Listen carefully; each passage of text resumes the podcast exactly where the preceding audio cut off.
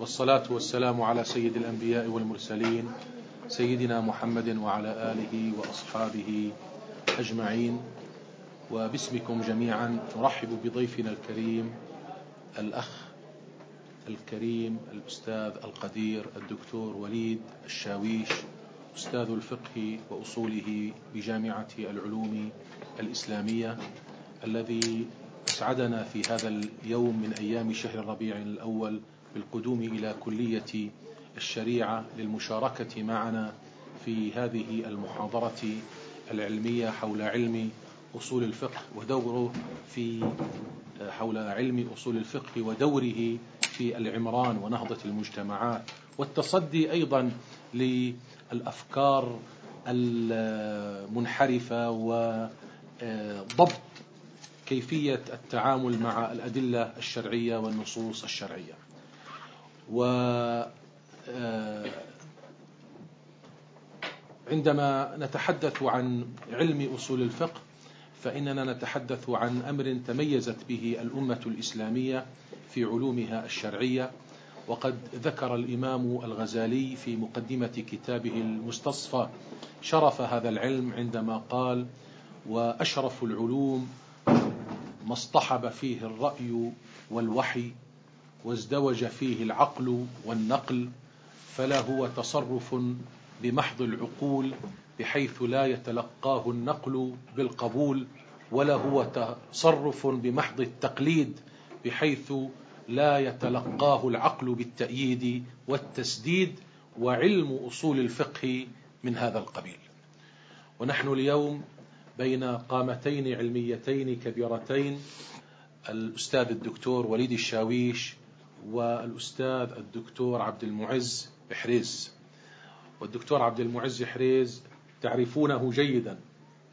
هو من أساتذة كلية الشريعة الذين تخرج على أيديهم عدد كبير من أساتذة هذه الكلية ولا أريد أن آخذ الحديث حتى أترك مجالا للزملاء الكرام بالحديث حول هذا الموضوع القيم حول علم أصول الفقه وأهميته وأكرر الترحاب بهم في هذه المحاضرة وأسأل الله تعالى أن ينفع بما سيقدمونه وأن يجعله في ميزان حسناتهم.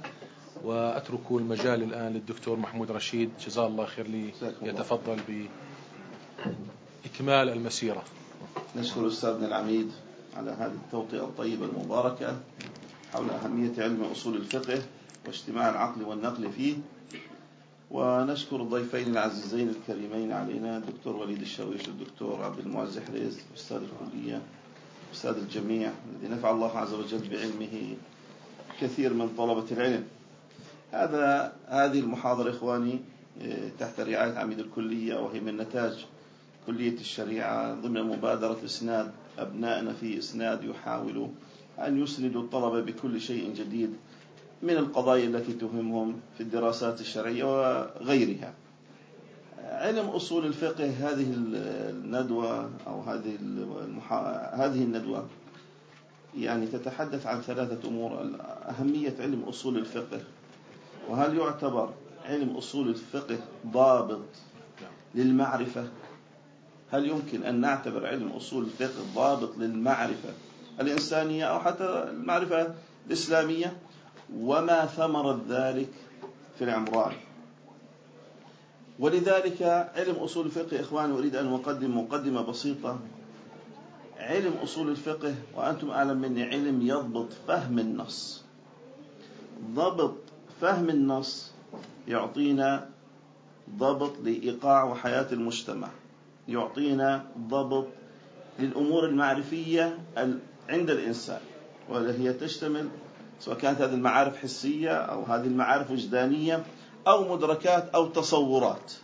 فعلم أصول الفقه أحد العلوم المهمة لطالب العلم أحد العلوم المهمة للمفكر الإسلامي أحد العلوم المهمة للمجتهد أحد العلوم المهمة لتشكيل عقلية المسلم.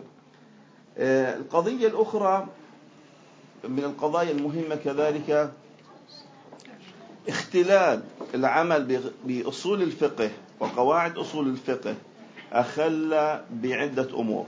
اللي يقوم عليها أساس العمران وهي ثلاثة. الأساس الأول وهو البعد الاعتقادي وبعد المشاعر وبعد السلوك. لما تم تغييب علم أصول الفقه في واقع حياة المسلمين بشكل كبير جدا وعدم توظيفه وعدم الاهتمام به هذا أثر على ثلاثة أمور على المعتقدات الموجودة في ساحة المسلمين وعلى السلوكات التي يسلكها الناس وعلى المشاعر التي تضبط حياة الناس. فنحن بحاجة إلى الرجوع حقيقة إلى علم أصول الفقه ليضبط حياتنا الفكرية وحياتنا النظرية حياتنا العملية اجتهادنا تفكيرنا سلوكات الإنسان في هذا المجتمع. والغاية الكبرى التي خلق من أجلها الإنسان بعد توحيد الله سبحانه وتعالى وعبادته هي عمارة الأرض بما يرضي الله سبحانه وتعالى.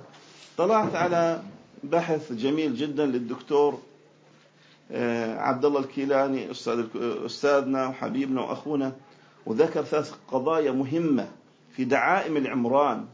قال الدعامة الأولى الألفة الجامعة وهذا ما نبحث عنه الألفة الجامعة. ثم قال والوفرة الكافية. والقضية الثالثة قال والنفس القانعة. هذه ثلاث ضوابط حقيقة من أجمل ما قرأت. علم أصول الفقه علم أصول الفقه يضبط هذه الثلاثة قضايا ليحقق مفهوم العمران في حياة البشرية الإنسانية وفي حياة المسلمين. نسعد في هذا اليوم باستضافة الأستاذ الدكتور وليد الشاويش من جامعة العلوم الإسلامية وهو خريج الكلية الشريعة في مرحلة البكالوريوس وهو زميلنا تزامن نحن وإياه في الكلية وفي الفقه ونحن في قسم العقيدة والدعوة. ثم أكمل دراسته في جامعة الأوزاعي ثم أكمل دراسته بعد ذلك الدكتوراه في آه، دولة المغرب العربي. ثم بعد ذلك اهتم بدراسة فقه الإمام مالك رحمه الله. هذا الفقه الدقيق العميق الذي اطلعت عليه إبان إقامتي في الجزائر لمرحلة الدكتوراه. وقد تعجبت مما قرأت في فقه مالك وفي الموطأ تحديدا. حتى ظننت أن الذي ألف الموطأ هو أبو حنيفة وليس مالك. لكثرة ما يقول والرأي عندي والذي أقول به. قلت هذه من مدرسة أثر كما يقولون. هذه مدرسة رأي. فرأيت يعني فقها عميقا ودقيقا يسعف العقل وينمي المواهب ويثري الذهن. فحقيقة مدرسة من أعظم المدارس تتلمذ على أيدي الشناقطة في دولة الإمارات العربية وهو الآن يدرس فقه الإمام مالك في جامعة العلوم الإسلامية. فنسعد بلقائه كما نسعد بأخينا وابن الكلية وأستاذ الكلية أستاذنا الدكتور عبد المعز حريز نبدأ بداية مع الأستاذ الدكتور وليد فليتفضل مشكورا. نحن دائما نقدم الضيف. نحن في المناقشات عرفنا الله يبارك فيك. نعم. والأمر بينكما. لكن غالبا العرف عندنا المعروف عرفا كالمشروط شرط العادة محكمة. آه والعادة محكمة. ونحن في أصول الدين يعني هذه القواعد انتفعنا بها منكم. يا سيدي من عندكم نحن فجزء منا نحن أصول وأنتم فقه فجمعنا أصول فقه. فنبدأ إن شاء الله بعد إذن أستاذنا بالضيف العزيز علينا. جزاكم الله تفضل بسم الله الرحمن الرحيم. الحمد لله رب العالمين والصلاة والسلام على سيد الأولين والآخرين سيدنا محمد وعلى آله وأصحابه أجمعين. اللهم لا سهل إلا ما جعلته سهلا وأنت إذا شئت تجعل بفضلك الحزن سهلا يا أرحم الراحمين. يسعدني وأنا في هذه الأمسية المباركة أن أجلس في هذا الموقع وفي هذا المجلس المبارك بين تلك القامات العلمية التي نهلنا من علمها وسواء كان ذلك في قاعة المؤتمر أم في قاعة الدرس هذه القامات التي أسعد بها. آه، وأنا هنا يعني عندما أجلس بين يدي هؤلاء الأساتذة وأخص أستاذي الأستاذ الدكتور محمود جابر وأنا أتكلم في هذا الموضوع وكأنني أحمل التمر إلى هجر وزمزم إلى مكة والعنب إلى الشام. لكن أرجو أن يعني أكون قد يعني وصلت إلى ما هو أقل من الغاية أمام هؤلاء الأساتذة الأفاضل خصوصا وفي هذا الموضوع الذي يعني آه, آه. فهذا الموضوع الحيوي من موضوعات آه، العلوم الشرعية وهو آه، عنوان المحاضرة. أهمية علم أصول الفقه في ضبط المعرفة وبناء مجتمع العمران. نحن أمام يعني كلمات آه، مفتاحية في هذا العنوان وهي كلمة أصول الفقه وكلمة العمران. الحقيقة بالنسبة لمحاور المحاضرة ستكون يعني حول التعريف بمفردات العنوان آه، ثم بعد ذلك آه، عرض بعض العقبات التي تواجهنا في المنهج الأصولي. آه، ثم نتحدث عن الإجماع التمييز بين العادي والشرعي. نتكلم عن أصل فتح الذرائع وسد الذرائع والبراءة الأصلية والتمييز بينها وبين الأصل في الأشياء الإباحة. ثم أذكر يعني في كل مرحلة من هذه المراحل آه، يعني أهمية هذا الأصل في ضبط المعرفة. وقد يعني فتشت في الواقع عن نماذج آه، تجعل من علم أصول الفقه آه، مظهرا حيويا جاذبا في ضبط المعرفة ودفع الإشكالات وتدبير الخلاف وتقليله ما أمكن نتيجة وجود ضوابط للفهم. آه، نحن بالنسبة إلينا الحمد لله ديننا نص والنص يعنى به من حيث وروده وقد كفانا يعني هذا الأمر آه، سادتنا المحدثون فيعني وفوا وكفوا في هذا المجال. آه، بقي الأمر في ضبط فهم النص بمعنى نحن لن نؤتى من جهة النقل فالنقل والحمد لله آه، تم إثباته بمناهج حديثية دقيقة جدا ويعني هناك مدرسة عظيمة استطاعت أن تحرر كلام النبي صلى الله عليه وسلم من حيث نقله. أما القرآن الكريم فهو كما هو معلوم قطعي الثبوت. أما الأصوليون فقد ضبطوه من حيث المأخذ وطريقة الأخذ والآخذ. فالمأخذ أي من أين نأخذ الفقه؟ من أين نستمد هذه الأحكام؟ وهذا المأخذ يعني مصادر الشريعة.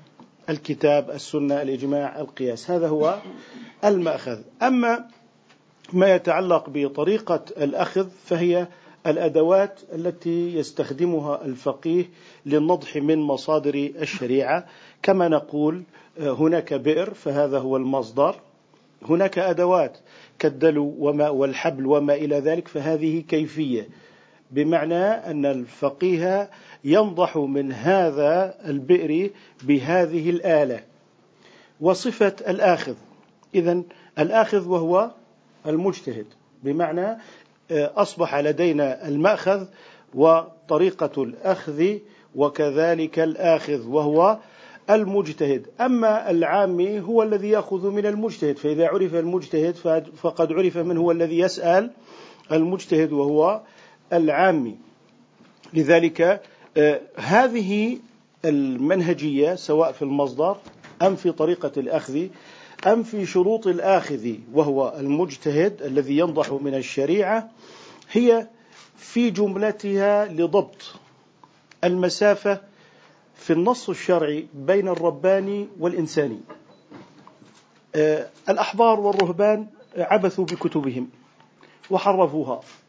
ولكن كتابنا محفوظ والسنة والحمد لله محفوظة. فمسألة آه، التحريف واللعب بالكلمات وأن يحذف منه أو ينقص أو يزاد فهذه مسألة محسومة من حيث إنها مرفوضة قطعا وغير واقعة فقد تكفل الله بالحفظ.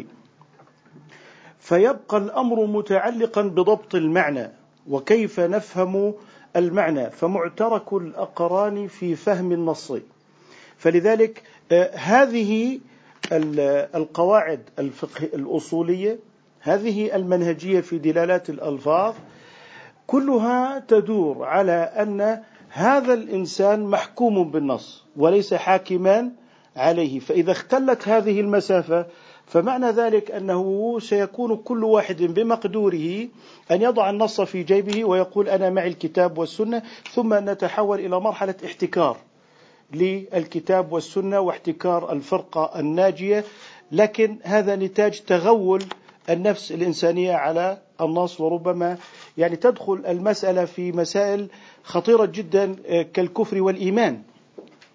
مع الأسف الشديد ممكن نحن أصبحنا في حالة الغلو في الدين أصبح هناك من يطمس معنى الإيمان فيكفر المسلم أو يكفر المسلمين جملة. وكذلك هناك من يحكم بإيمان الكافرين جملة أيضا. فأصبحنا أمام طمس معالم الإيمان بسبب فقدان هذه المسافة المهمة التي تحدد ما هو إنساني وما هو رباني. فلذلك هذا هو علم أصول الفقه. نقول هو ضبط المأخذ وطريقة الأخذ والآخذ. آه، مصطلح العمران أحببت أن أستخدم هذا المصطلح وقد أضربت صفحا عن مصطلح المدنية مثلا لأسباب سأذكرها عند الحديث عن كلمة المدني.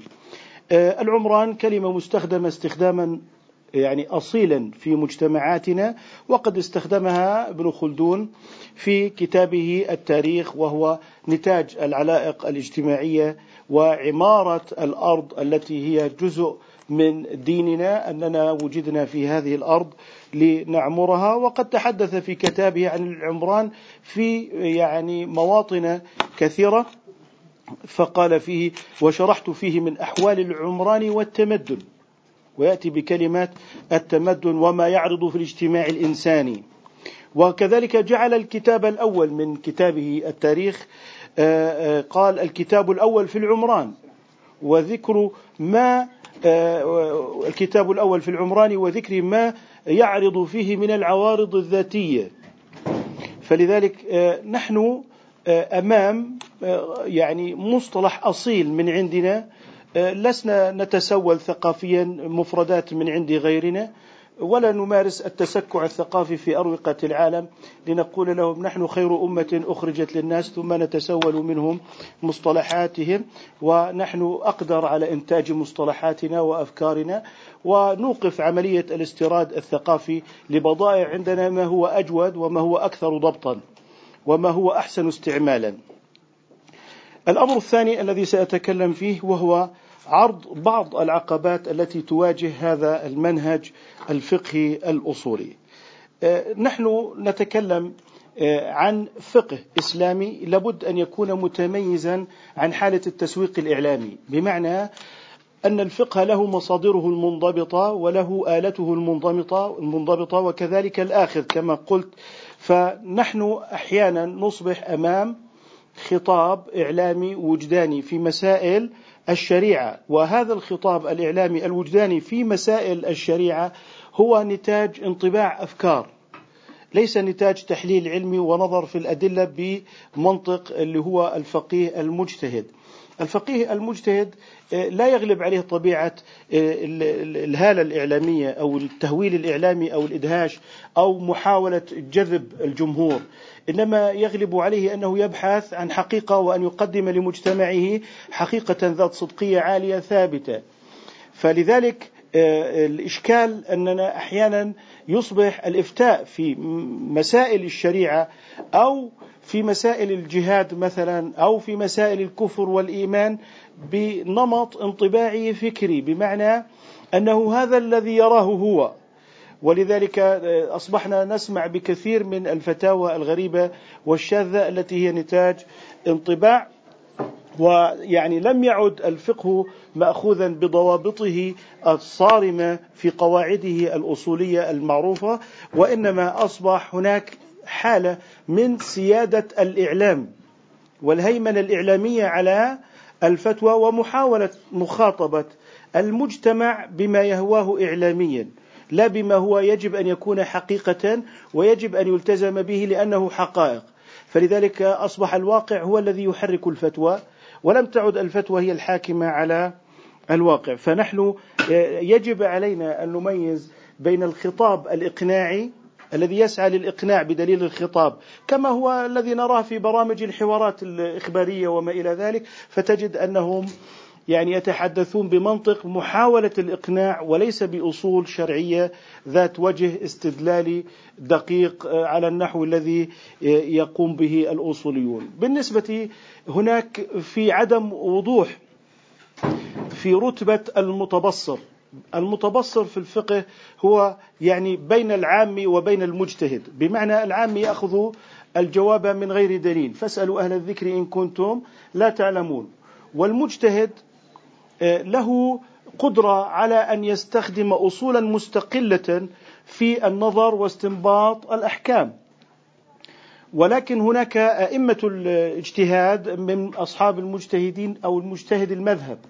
فهذا يستطيع أن آه، يعني يتبصر بالأدلة وأن يكون حركة بحثية آه، يعني تراكمية علمية يستطيع بها أن يغذي حاجات المجتمع في النوازل والمستجدات وما إلى ذلك. رتبة المتبصر أو تعريف المتبصر هو من يأخذ آه، الحكم من المجتهد بدليله الخاص، يعني يصبح عارفا بالأدلة وبوجوه الاستدلال دون استبداد بالنظر. يعني لا يصبح لا يكون عنده استبداد بحيث يقول هؤلاء على باطل وأنا على حق. إذا دون استبداد بالنظر ولا طرح للقول. إذا هو آه، رتبة يعني بين المجتهد وبين العام آه، يحفظ حراك الفقه الإسلامي على مدار الزمان وأنه يبقى مستوعبا للمستجدات لكنه لا يتحول إلى حالة هدمية. لاجتهادات الأئمة السابقين أو اجتهادات المذاهب الفقهية المعتمدة الأخرى. اذا هو لا يستبد بالقول. اذا هو آه، يأتي بالنظر وينظر دون أن يبطل اجتهادات الأئمة الآخرين. فيقول هذا مثلا قول في المذاهب الأربعة وهو معتمد في المذاهب الأربعة ويقال لا دليل عليه. فلذلك هناك إشكالية في حالة الاستبداد بالنظر من قبل من هو دون المجتهدين ويبطل أقوال المجتهدين. وهذه مع الأسف آه، آه، حالة اختلط فيها أنه إذا كان مبدعا لابد أن يهدم أقوال الآخرين. وهذه لغة يغلب عليها الإعلام والإدهاش مع الأسف الشديد. الإشكال الآخر اللي هو التأثر بتجاذبات السياسة والولاء والمعارضة وتصبح الفتوى إما نصرة للولاء أو نصرة للمعارضة أو النصرة للمذهب أو نصرة لجماعة. فيتحول الفقه من كونه إخبارا عن حكم الله إلى أن يوظف آه, آه تفضلوا معذورون إلى أن يصبح آه، يعني آه، خدمة لجماعة أو لموالاة أو لمعارضة أو ما إلى ذلك. فلذلك آه، هذا يعني سيؤثر بطبيعة الحال على المنهج الأصولي لأن الناس مع صراعاتهم المذهبية أو الجماعة أو الولاء والمعارضة سيؤثر هذا على الحكم الفقهي مع أن الحكم الفقهي وليس حكم ولاء ومعارضة إنما هو حكم شرعي إنما هو حكم شرعي وينبغي أن لا يوظف لضد أو ضد فئة مع فئة أخرى بل هو بيان عن الله سبحانه وتعالى. هذا كله من حيث هذا التناقض سيؤدي إلى جملة من التأثيرات السلبية نتيجة فقدان المنهج الأصولي منها التحريف آه، المعرفي لبيان الإسلام. بحيث إنه ممكن واحد يصير ينكر الحدود ممكن واحد يخرج من ينكر الحجاب من يطمس معالم الإيمان فيكفر المسلم أو يطمس معالم الإيمان فيحكم بإيمان الكافرين حتى لو كانوا يعبدون الأصنام. هذا كله سيؤثر في النهاية إذا طمس معلم الإيمان ومعلم الحق سيؤثر على بنية المجتمع بمعنى أن التهديد للحالة الدينية العقلية العقدية والتشريعية للمسلمين وفرض الاختلاط عليها سيؤدي إلى تفكيك المجتمع وأنا أتكلم هنا بالذات المجتمع السني. اللي هو يعني يتعرض إلى هجمات داخلية وخارجية ويعني مع الأسف الشديد من أراد أن يعبر عن حرية الرأي فإنه يتكلم على ثوابت وإجماعات أهل السنة. أما يعني آه، بالنسبة للأقليات الأخرى فتجد أن تعديهم على الإسلام هو من حقوق الأقليات. أما إذا أنت دافعت عن الإسلام وعن هذه الأمة فعند ذلك أنت تثير الكراهية. هناك عدم انضباط في المفاهيم هناك عد اختلاط في التصورات. فلذلك آه، نحن بحاجة إلى أن نضبط التصورات تماما خصوصا التعريفات. وهذا أيضا من منهج الأصوليين لأنهم يقولون الحكم على الشيء فرع عن تصوره فإذا اختلط تصور الإيمان ما هو؟ وحقيقة الإيمان ما هي؟ إذا ضربت قاعدة المجتمع كلها. وضربت الأحكام تماما. لذلك لابد من ضبط التصورات ولعلنا نشير إلى شيء من مثل هذه التصورات. لذلك لابد من الحذر تماما من أنه لا يعني آه، أنك مثقف أن تتعرض لثوابت هذه الأمة. هذا لا يجوز لك هذه الأمة لها ثوابت وغير قابلة حتى للنقاش. الأمم التي تحترم ثوابتها وإجماعاتها لا تحترم أي شخص ممكن يتعرض لمثل هذه الثوابت لأنها مسلمات أصلا. فنحن لنا مسلماتنا لنا إجماعاتنا العقدية والفقهية ولا نقبل لأي أحد بحجة الرأي أن يحفر تحت هذه الأعمدة لأنه سيقوض مجتمعاتنا وبعد ذلك سيطيل علينا مشوار الإصلاح. آه، لذلك يجب أن نكون منتبهين إلى أننا عندما نتحدث في الحكم الشرعي وضبط الحكم الشرعي واستقاء الحكم الشرعي من مصادره فإننا نتكلم بمنهجية علمية واضحة وبينة وهذه المنهجية ليست وليدة اللحظة ليست وليدة عصر معين إنما هي نتاج تراكم علمي آه، يعني آه، الذي آه، يعني اطلع على تاريخ أصول الفقه ونمو هذا العلم. وكيف أن هذه الأمة عندما أخذت عن ربها أخذت على بينة ولم تأخذ بمنطلق آراء رجال الدين. بمعنى هناك رجل دين يعبر. لا. نحن لا نعرف ظاهرة رجال الدين. نحن لا نعرف آه، ظاهرة رجل الدنيا. نحن نعرف أن الفقه الإسلامي هو علم. آه، ما معنى علم؟ أي له منهجية. لا يكون علما إلا إذا كان له منهج صارم وقواعد حاكمة للعقل أثناء النظر في استنباط الحكم الشرعي، لذلك هو علم، فبعضهم يلبس ويقول هل هو دين؟ لا, لا بماذا تقصد بالدين؟ هل تقصد بالدين أنه قطعي؟ لا ليس قطعيا هو ظني. آه، لا إذا اذا هو كلام الرجال، لا ليس كلام الرجال. لذلك هذه الثنائيات مستوردة من الخارج ليست من عندنا.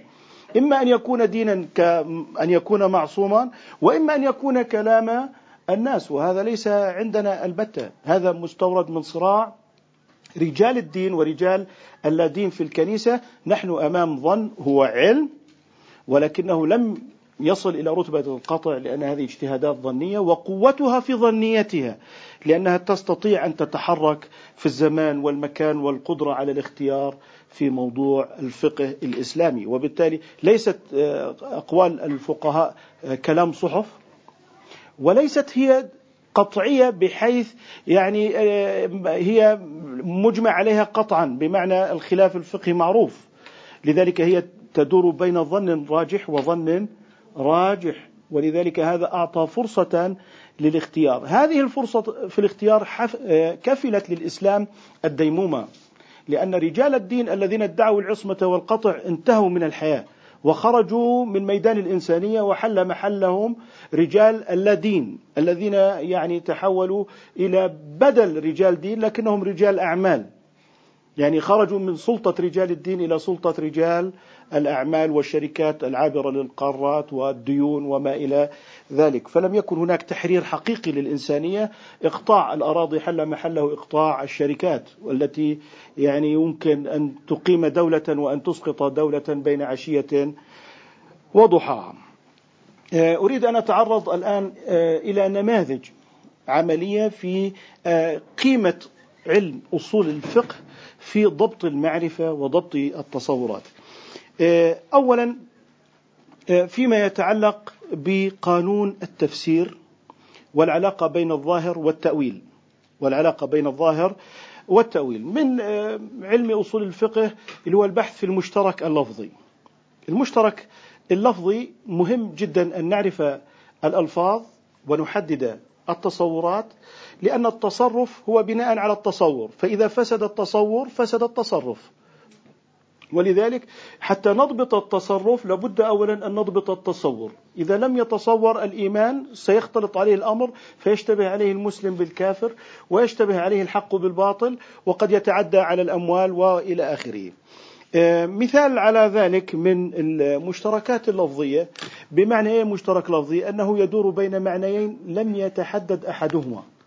لم يتحدد أحدهما مثال آه، الدولة المدنية كثيرا ما نسمع هذه اللفظة.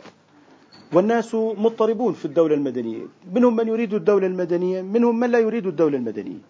منهم من يقول الدولة المدنية كفر منهم من يقول الدولة المدنية هي دولة الشورى. طيب ما هي الدولة المدنية؟ نجد أن كلمة المدنية هي مقابل عسكرية بمعنى حكم رجال مدنيين وليسوا العسكر. وقد تكون مقابل الدينية بمعنى يعني لا دينية لكن كلمة لا دينية ستكون قاسية في مجتمعاتنا الإسلامية ويعني إذا استخدمت لا دينية بهذه الصراحة إذا ستفوت المستخدمين الكثير من المكاسب خصوصا فيما يتعلق بحشد الجماهير. ونحن نعلم أن شعوبنا والحمد لله مؤمنة فكلمة لا دينية ستكون يعني بالنسبة لهم مرفوضة ابتداء. قد تكون مقابل القرية والحضارة وقد تكون هذه الدولة آه، كما قلنا آه، مدنية بإحدى هذه المعاني. طيب هل أنت مع الدولة المدنية؟ طيب حددوا لنا الدولة المدنية. حددوا لنا المجتمع المدني. هل المسجد من مؤسسات المجتمع المدني مثلا؟ ستجد أننا يعني أتينا بكلمات تحتاج إلى تحديد مهم وضروري. ايا كان ذلك التحديد المهم أن يتحدد ولا تبقى هذه الكلمات في التداول وتؤدي إلى اللبس في عقول الناس. ثم بعد ذلك يظهر السؤال هل كانت دولة النبي صلى الله عليه وسلم مدنية؟ نعم مدنية بمعنى حضارة مثلا. مساواة نعم مثلا فيها مساواة. ما كان لو أن فاطمة بنت محمد سرقت لقطع محمد يدها. طيب هل كانت دولة النبي صلى الله عليه وسلم دينية؟ إذا أنت عندما تتساءل هل كانت دينية أنت تتكلم الدينية بمعنى الثيوقراط سلطة رجال الدين. طيب أنت تتكلم كانت مدنية بمعنى لا دينية؟ إذا وضح الأمر حتى نفهم سؤالك. لكن هل هذا هو آه، يعني السؤال صحيح أولا أم أن الأصول يجب عليه أن يصحح السؤال؟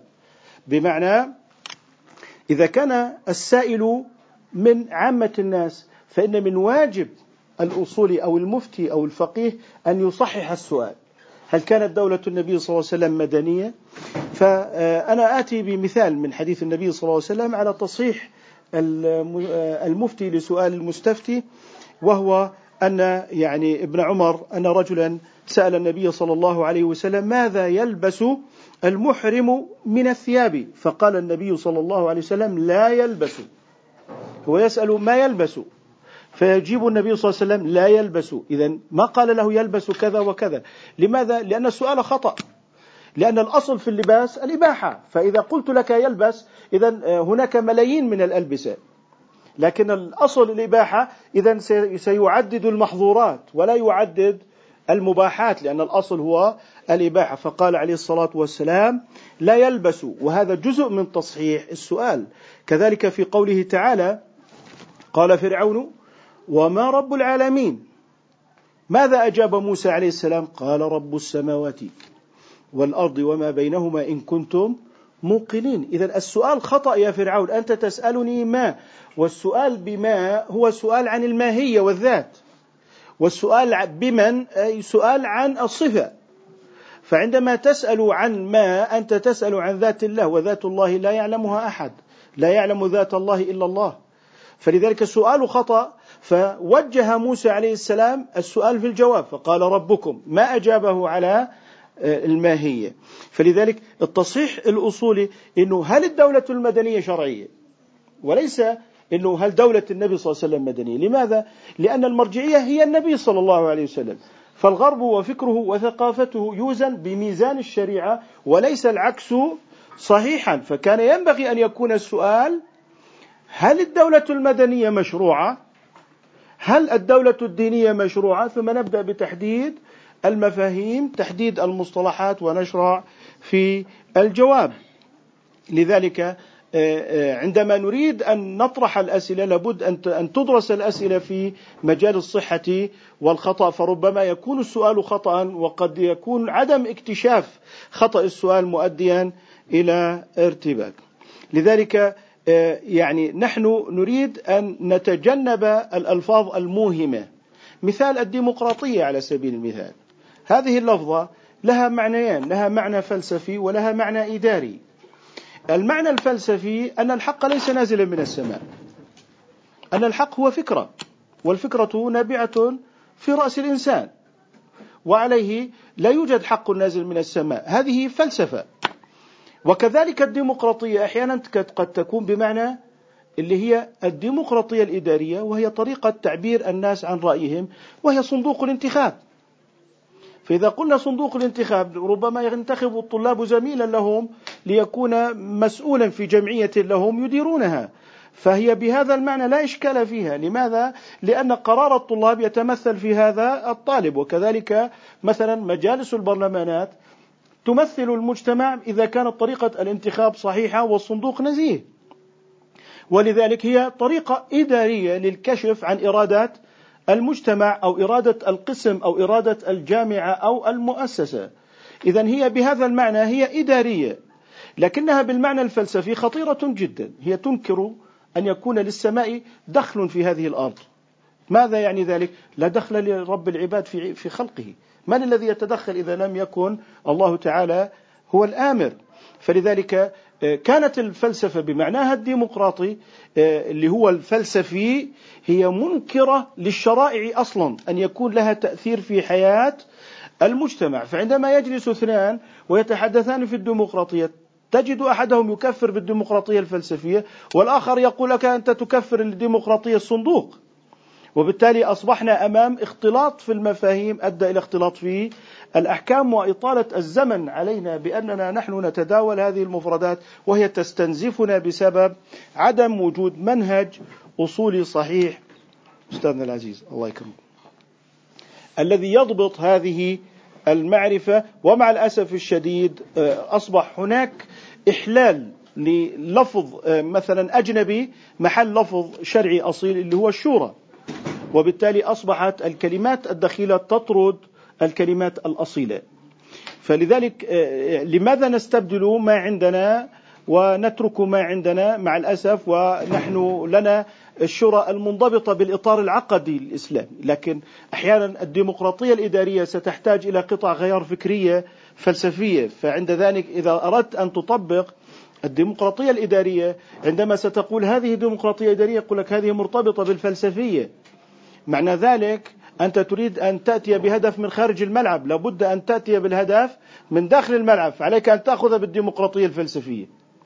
ولذلك آه، أنت في آه، يعني غنى عن هذه الأطر المستوردة وتستطيع أن تحقق استقلالك العلمي والثقافي من خلال ما عندك من مصطلحات أفضل وهي تحافظ على هويتك ولا تجعلك تابعا. لا يعقل أنك تقول نحن خير أمة أخرجت للناس ثم تتسول ثقافيا على أعتاب الأمم. لذلك حذرت الشريعة من استخدام الكلمات الموهمة. وهذه الكلمات الموهمة ذكر منها شيء في كلام النبي صلى الله عليه وسلم وهو ما ورد في صحيح مسلم.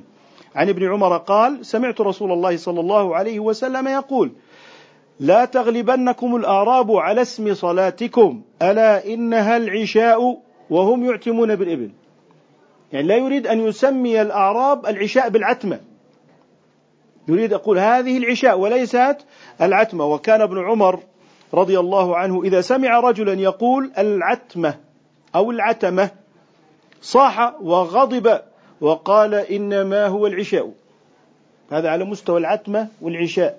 فما بالك بسيل جرار من المفردات المتلاطمة التي تخدش المعرفة وتؤدي إلى إفساد المعرفة وتشوهها بحيث يفقد الناس لغة الخطاب.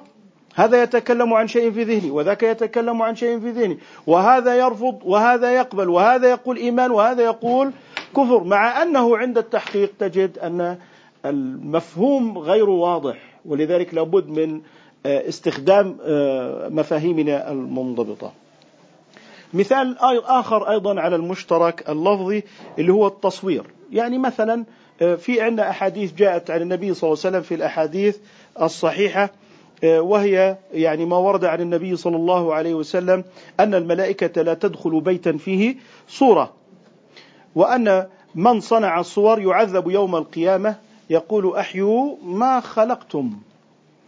فالناس حرموا التصوير عندما ظهر التصوير الشمسي وقالوا هذا حرام ولا يجوز ودخل على الناس حرج كبير وهو أن الملائكة لا تدخل بيوتهم لأن بيوتهم فيها صورة الهوية وصورة الجواز وما إلى ذلك فأدخل على الناس حرج عظيم في هذا حتى يعني كان من الناس من يضع لواصق كثيرة على الصورة حتى تدخل الملائكة إلى المنزل.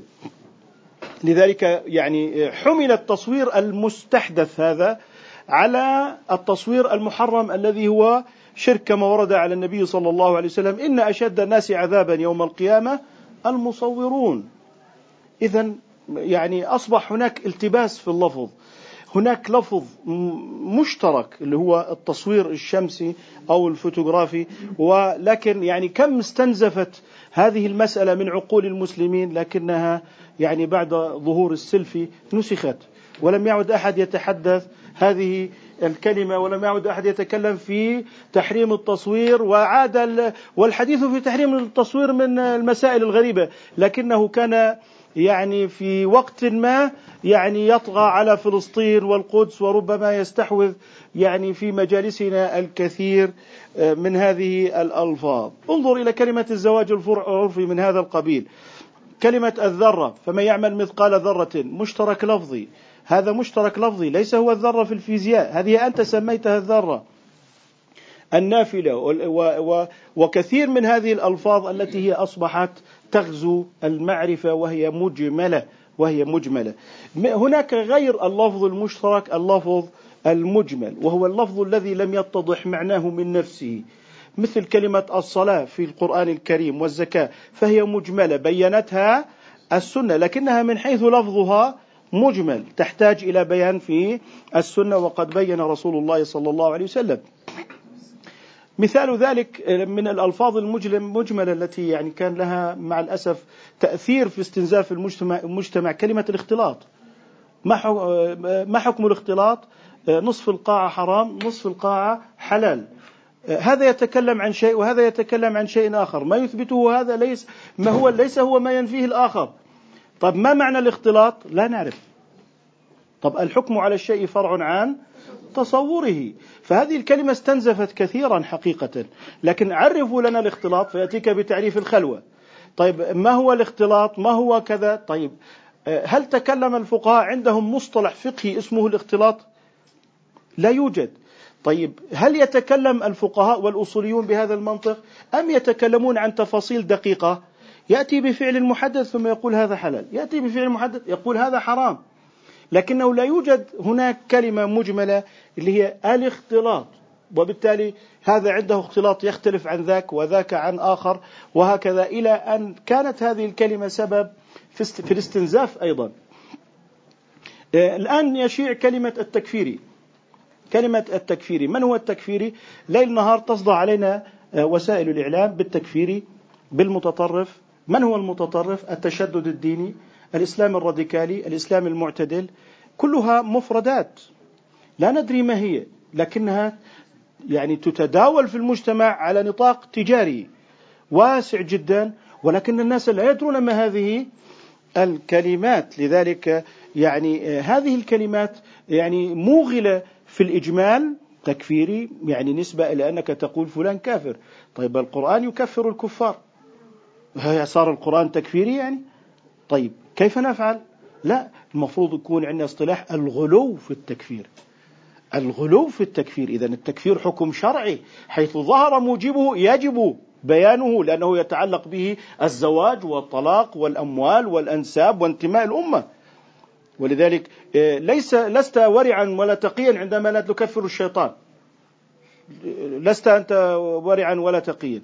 عليك حيث ظهر موجبه وكنت أهلا له وتولته الجهة المختصة وتحققت من تحقق الشروط وانتفاء الموانع. يجب البيان للأمة أن هذا ليس منا.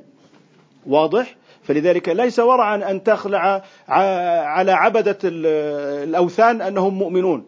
أنت لست ورعا أنت تمنح صكوك غفران. أنت رجل دين وأرجعتنا إلى عهد صكوك الغفران والمغالي يرجعنا إلى عهد صكوك الكفران.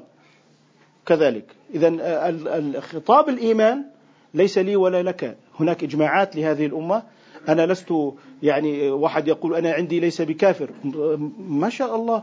هذا معناته ممكن واحد عندك كافر وهذاك هذا عندي كافر وهذاك أنا عندي مسلم. أي مجتمع هذا؟ لا إذا تم تشويه قاعدة المجتمع. الحياد الإعلامي. ما معنى الحياد الإعلامي؟ هل أنت منتمي لقضايا المسلمين؟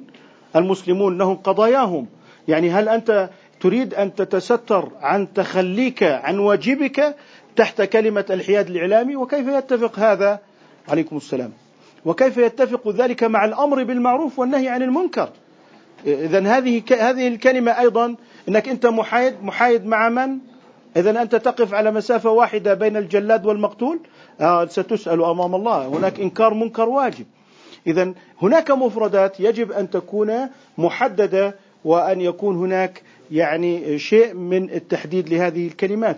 العدل المجتمعات تخرج للمطالبة بالعدالة. نريد العدالة.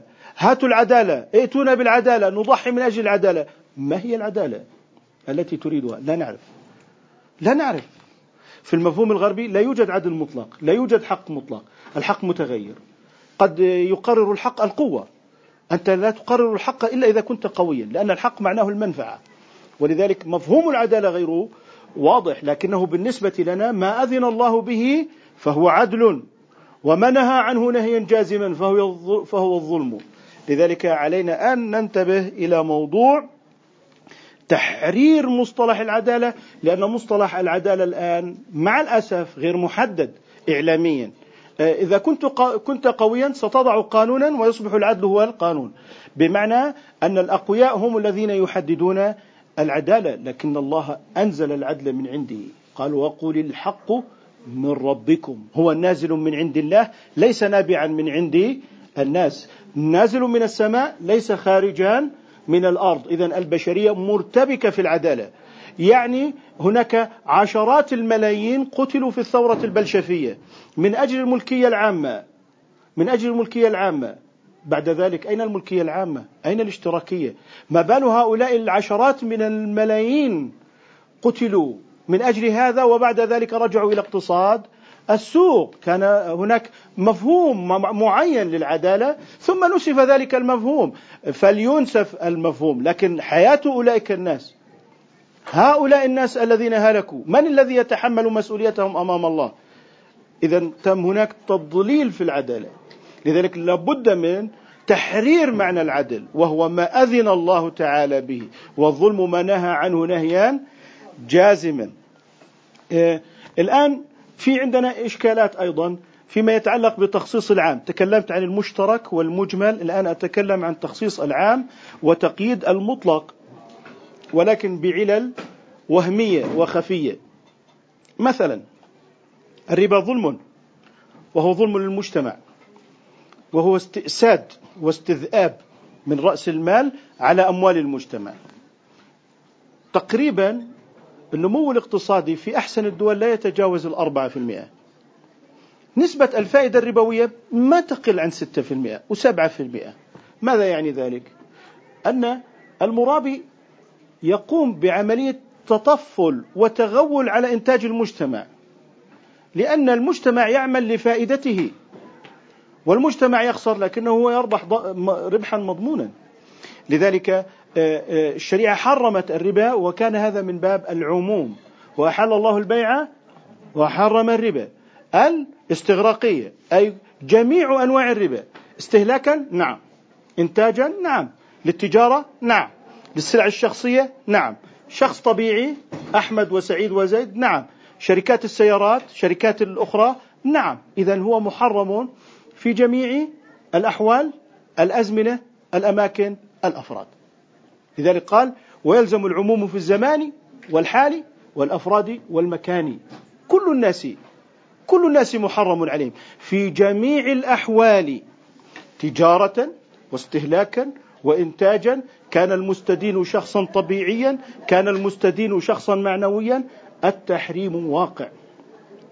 لذلك عندما نقول إن هذا الحكم عام. طب إذا قلت لك إذا كان لا يوجد فيه ظلم بمعنى هذه شركة مالية شخص معنوي وهذه شركة سيارة شركة سيارات شخص معنوي. لا يوجد هذا الظلم الذي كان في الجاهلية واسترقاق الإنسان بسبب الدين. فكيف يكون ذلك؟ إذا لا يوجد هناك تصور للظلم من شخص طبيعي مؤسسة مالية دائنة وشخص آه، آه، معنوي مؤسسة دائنة وأيضا شخص معنوي آخر هي شركة إنتاج السيارات أو الطائرات أو السلع المختلفة. إذا لا يوجد تحقق ظلم الظلم يقع على الأفراد على الأشخاص. تمام؟ لذلك أنت إذا عللت الربا عللت تحريم الربا بإيه؟ بالظلم. من أين عرفت هذه العلة؟ أي مسلك من مسالك العلة سلكته حتى عرفت هذه العلة؟ هل أخذتها من مسلك الإجماع؟ من مسلك النص؟ من مسلك المناسبة؟ من مسلك الصبر والتقسيم؟ أم هي علة مفتعلة واصطناعية؟ إذا أنت تفتعل عللا اصطناعية. ثم تعلل الأحكام ثم تهدم الأحكام. مع العلم أن العلة ليست متقدمة على الحكم. ليست متقدمة على الحكم. العلة بعده. فإذا حرم الله الربا وحرم الخمر فإن علة التحريم تعرف بعد الحكم لا قبله لأن الله منزه في حكمه عن العلل ولا يتبع العلل لأنه لو تبع العلة لكان ذلك إكراها لإرادته وربك يخلق ما يشاء ويختار ما كان لهم الخيار. لذلك العلة ليست متقدمة على الحكم إنما هي بعده فلا يجوز لنا أن نكر على الحكم بعد العلة فنرجع على الحكم بالإبطال. لذلك قال في تعريف العلة معرف الحكم أن العلة هي معرف الحكم بوضع الشارع والحكم ثابت بها فاتبعي ووصفها بالباعث ما استبين منه سوى بعث المكلفين.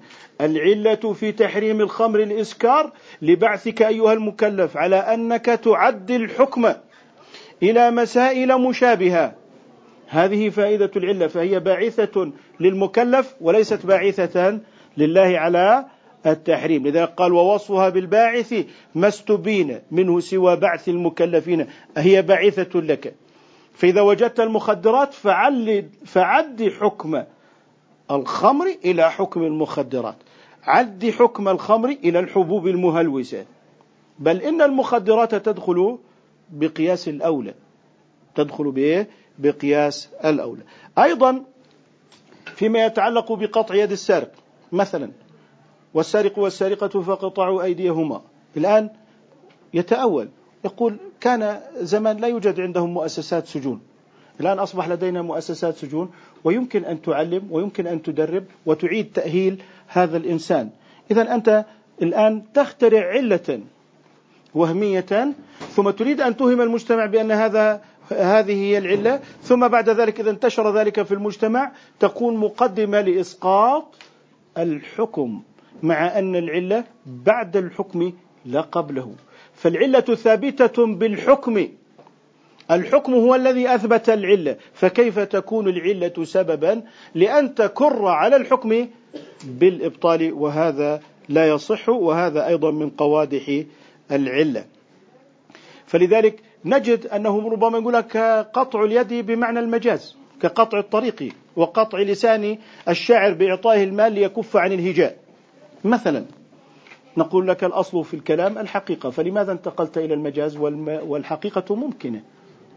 إذا أنت انتقلت إلى المجاز والحقيقة ممكنة. إذا أخللت بقانون التأويل. ولاحظوا أن كثيرا من التعليلات هي عبارة عن آه، علل وهمية خفية يقصد منها فيما بعد إسقاط أحكام الشريعة ولذلك هذا لابد من الحذر منه آه، أحيانا يكون هناك إحنا بالنسبة لنا ويعرف أساتذتنا الأفاضل ذلك تماما إنه آه، الأصل في النبي صلى الله عليه وسلم وتصرفاته النبوة وليس البشرية الجبلية أو الإمامة بمعنى أنها من باب الاتفاق كالقتال بالسيف أو مثلا تصرفات الهجرة وخططه الحربية.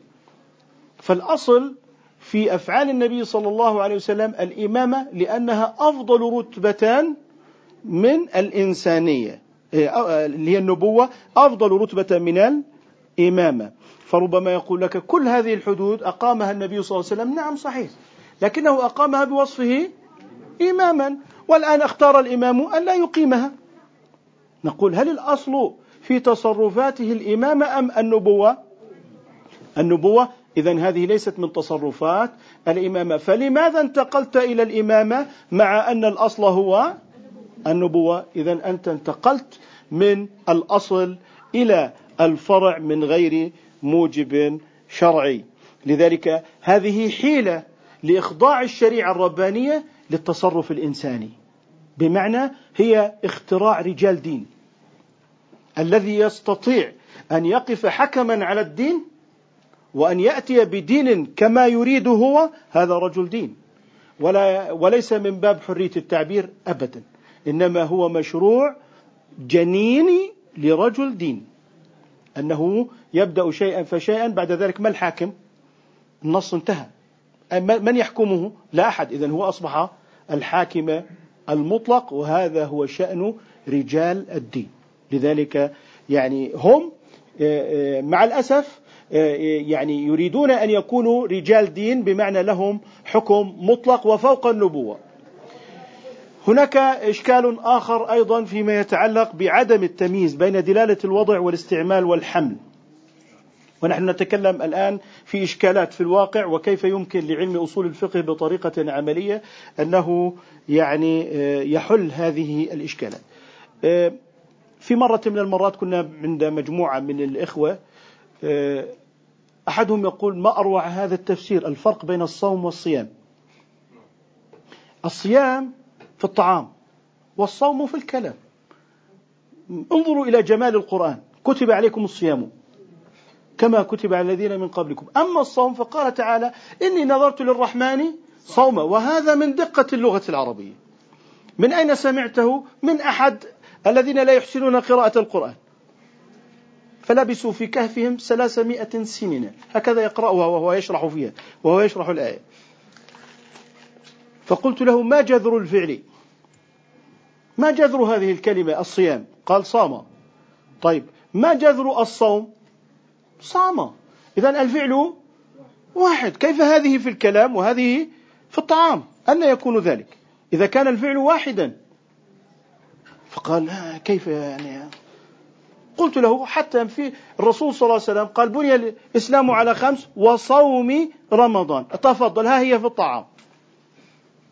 لكن الرجل بهذا المنطق الإعلامي الذي ذكرته هالة إعلامية القرآن عظيم القرآن معجز انظروا إلى أساليبه وإذا به مع هذه الحالة في التهيج العاطفي وإذا به يتكلم بمثل هذه الكلمات. انظروا إلى كلمة مطر وغيث.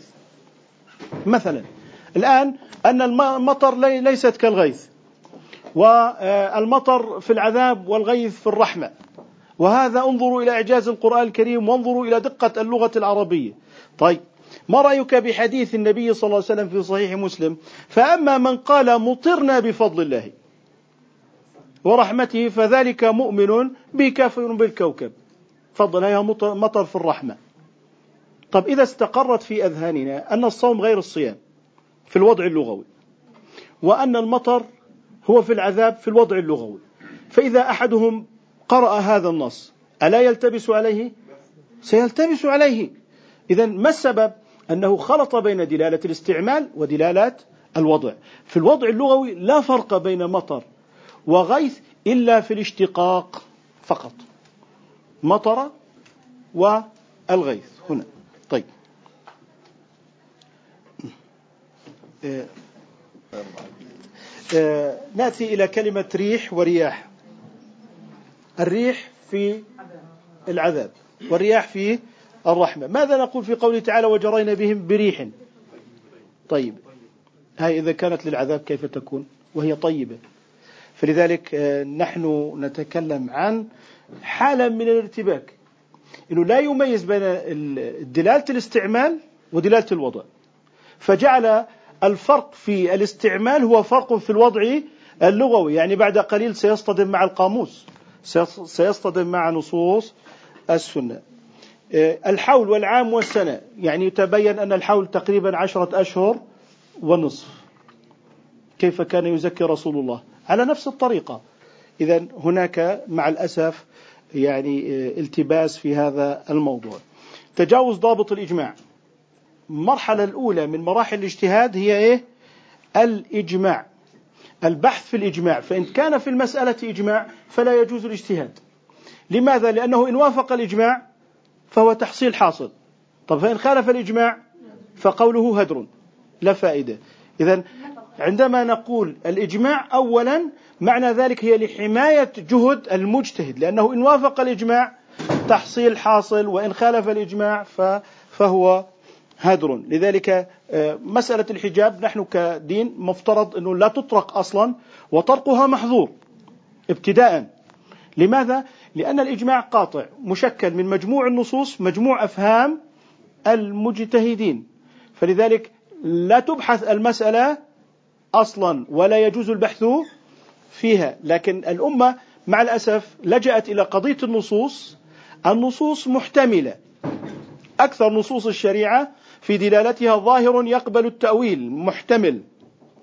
أما الإجماع فهو غير محتمل. النص يقبل التخصيص يقبل التقييد يقبل النسخ. أما الإجماع فلا يقبل شيئا من ذلك. كذلك موضوع عذاب القبر. انظروا في مسألة الإجماع ما يتعلق بتأجيل البدلين في البيع. نحن أحيانا نقول وأجمعوا على كذا ربما يأتي أحدهم يقول لك من ادعى الإجماع فقد كذب. هذا في طريق ثبوته ليس في حجيته. فرق بين طريق الثبوت والحجية. انظر إلى تأجيل البدلين في البيع. يحرم تأجيل البدلين في البيوع. بمعنى إما أن يكون الثمن معجلا والمثمن مؤجلا أو العكس لكن أن يتأجل البدلان فهذا لا يجوز. وكان من آه، أسباب تفاعل الأزمة المالية العالمية هو الصفقات التي يتم فيها تأجيل البدلين وأدى هذا إلى إحداث فروق أسعار تجاوزت 50% من ثمن السلعة تذهب لجيوب المقامرين في السوق المالي. وقبل تفاعل الأزمة بشهر تقريبا كتب اللي هو آه، جو ليبرمان آه، مقالة وهو ومعه اثنان آخران يجب الحد من مضاربات على السلع وذكر ذلك أن 50% تقريبا من أرباح السلع هي لجيوب المقامرين. وما زاد الخمسين في المئة وبعد الخمسين يدفعها المنتج هي للمنتج والمستهلك والناقل والموزع وما إلى ذلك. وهذا نتاج تأجيل البدلين. وهذا المقال نشر في مجلة الفاينانشال تايمز جريدة الفاينانشال تايمز في شهر سبعة 25 سبعة 2008 لذلك عن ابن عباس رضي الله تعالى عنه قال من أسلف فليسلف. انعقد الإجماع على وجوب الإسلاف وهو التقديم. وهو إيه؟ التقديم. آه، آه، سوء فهم الإجماع من ادعى الإجماع فقد كذب. هذا أدى إلى آه، مع الأسف هدم الإجماع عمليا وتجميده. فأصبح قل في أي مجلس وثبت الإجماع سيقولون لك من ادعى الإجماع فقد كذب وهي من باب الثقافة العامة ولكن مثلا الإجماعات كثيرة لكن الإنسان يعرف الإجماعات بعد الانتهاء من الخلاف النازل والدخول في الخلاف العالي. طيب الآن بالنسبة للصدقة والزكاة أجمعوا على أن الصدقة فيها هي إنما الصدقات أي هي الزكاة المفروضة. وهذا من باب الإجماع وهذا من باب الإجماع. وكان العلماء عندما يجدون إجماعا في المسألة فإنهم يعني يفرحون بذلك لأن فيه قطعا لدابر النزاع. آه، فتح الذرائع. أصل من أصول الشريعة فيجب فتح الذرائع إلى الواجبات بمعنى تحقيق جميع وسائل التنمية في آه، المجتمع. ونحن نقول إن فتح الذرائع هو مقابل لسد الذرائع. لذلك قال سد الذرائع إلى المحرم حتم كفتحها إلى المنحتم. فالواجب يجب أن تفتح له الذرائع. لابد من التمييز بين البراءة الأصلية والأصل في الأشياء الإباحة. آه، ربما في بعض الدروس التي تلقيناها في مدارسنا قال لك إن الخمر كان مباحا أول الإسلام ثم بعد ذلك حرم في الصلاة. ثم بعد ذلك نزل التحريم يعني بعد ذلك قيل إنه إيه؟ واثمهما أكبر من نفعهما ثم حرمه تحريما نهائيا. أو كان شيء من الاختلاف في هذا الترتيب لكن التحريم بطبيعة الحال نهائي. هل كان الزنا مباحا أول الإسلام؟ حتى تقول الخمر كان مباحا أول الإسلام؟ ماذا عندما تقول مباح يتبادر إلى ذهنك؟ الإباحة الشرعية. لكن هل في آه، يوم ما أبيح الخمر؟ هل هل أبيح الزنا؟ هل أبيح قتل الأطفال؟ بمعنى أنه لم يرد؟ لا هو كان هذا من باب اللي هو البراءة الأصلية أي نفي التكليف أي لا يوجد تكليف بالتحريم وليس أن الله أباحه وليس أن الله أباحه إنما الكلام أنه لا يوجد تكليف بالتحريم. لذلك قال وما من البراءة الأصلية قد أخذت فليست الشرعية. أكتفي بهذا القدر إن شاء الله. هناك يعني قضية ربما يطول سردها والوقت لا يتسع. أشكر لكم حسن إصغائكم واستماعكم وأشكر الدكتور محمود والدكتور عبد المعز أن أعطوني هذه الفرصة وبارك الله فيكم. الشكر الجزيل للدكتور وليد على ما قدمه. من علم نافع وقد حاولت يعني أن أجمع بعض الفوائد لكنها كثيرة. فأن أعيدها وأن أكرر شيء كثير. لكن إخواني في قضية مهمة جدا مهمة جدا مهمة جدا. السطحية في الفهم والتغول على العلماء وعلى المختصين ضيع الدين. ثورة مارتن لوثر على فهم النص المقدس لأي إنسان انتقلت إلينا. مارتن لوثر لما عملوا ثورة على رجال الدين أنه حرية أي إنسان يفهم النص زي ما بده. هذه الصورة انتقلت إلينا كمسلمين. الأصل هنالك علماء هنالك نص يفهم من قبل العلماء ويستخرج منه حكم شرعي كما تفضل. القضية الأخرى إخواني الحرب على المصطلح. المصطلحات في علم المنطق هي فرع عن التصورات وتسمى الحدود. الآن النبي حذر من ذلك. تستحلون الحرى والحرير والمعازف والقينات وتسمونها بغير أسمائها. هذه خطورة عندما نتحدث عن مع أي مسلم كائنا من كان أو غير المسلم ماذا تريد بمفهوم الحرية؟ ماذا تريد بمفهوم الواقعية؟ ماذا تريد؟ ماذا تريد؟ علينا أن نضبط إخواني الاصطلاحات حتى يكون كلامنا دقيق في هذه المجالات. فحاولت أن أركز على هاتان القضيتان القضية الأولى قضية إرجاع الأمر. ولذا قال الله سبحانه وتعالى فاسألوا أهل الذكر إن كنتم لا تعلمون أن النص ليس مطلقا لجميع الناس أن يستنبطوا منه فظهر عن الاعتقاد الظاهري والفقه الظاهري والخلق الظاهري والسلوك الظاهري حتى أصبح طبيعة مجتمعاتنا أقرب منها الظاهرية إلى العمق والفهم في زمن الاختصاص وفي زمن العلم. أشكر استماعكم وننتقل إلى أستاذنا العزيز الدكتور عبد المعز حريز ليكمل التصور وليحسن المظهر و أما المظهر فهو حسن يا سيدي. يحسنه هو جميل ولكن يصبح أحسن. فتفضل مشكورا أستاذنا جزاك الله خيرا.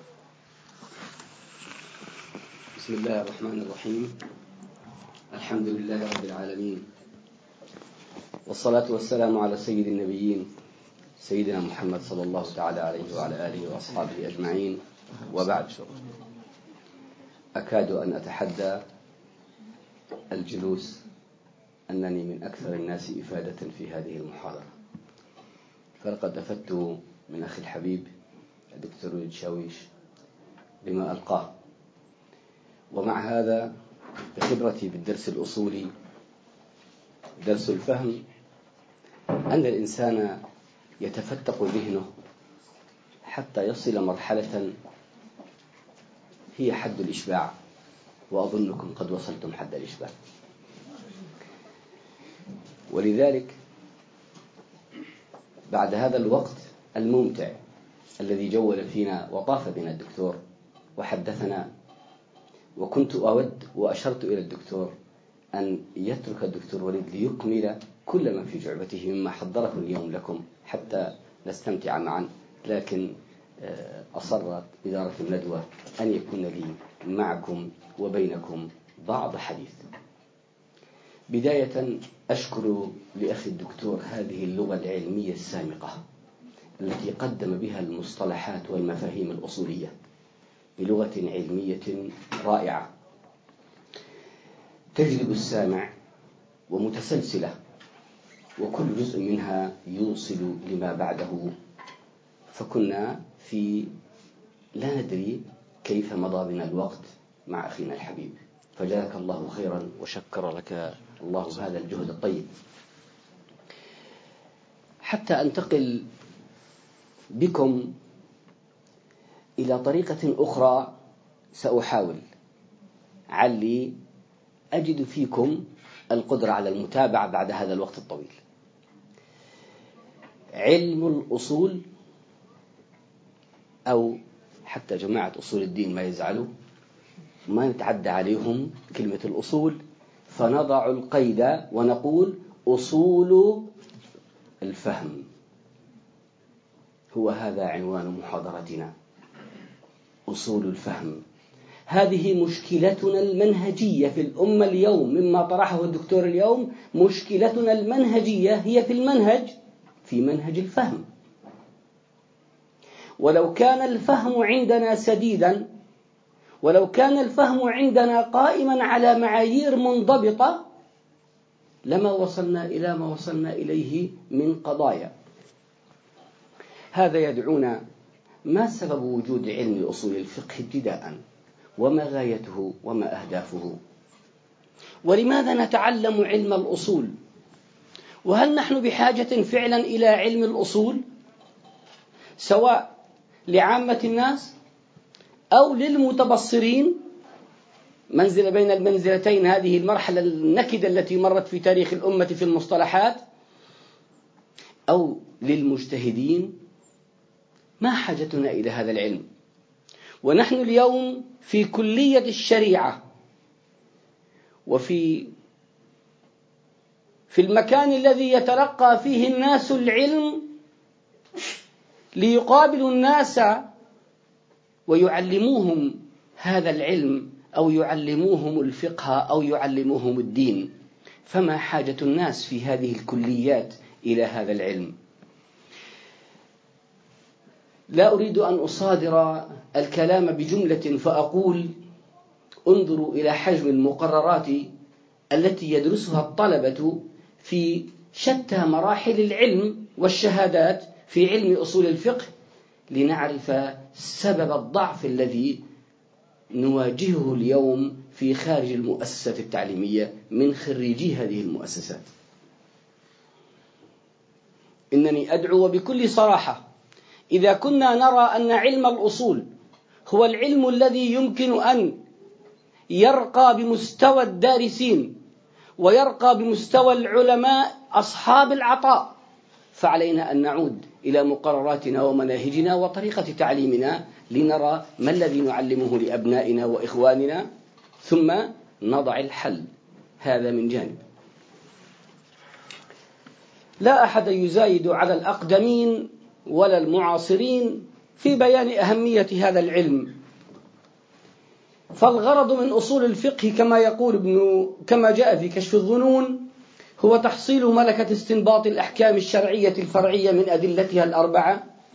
والغزالي يقول إذا فهمت أن نظر الأصولي في وجوه دلالة الأدلة السمعية على الأحكام الشرعية لم يخف عليك أن المقصود معرفة كيفية القياس كيفية اقتباس الأحكام من الأدلة.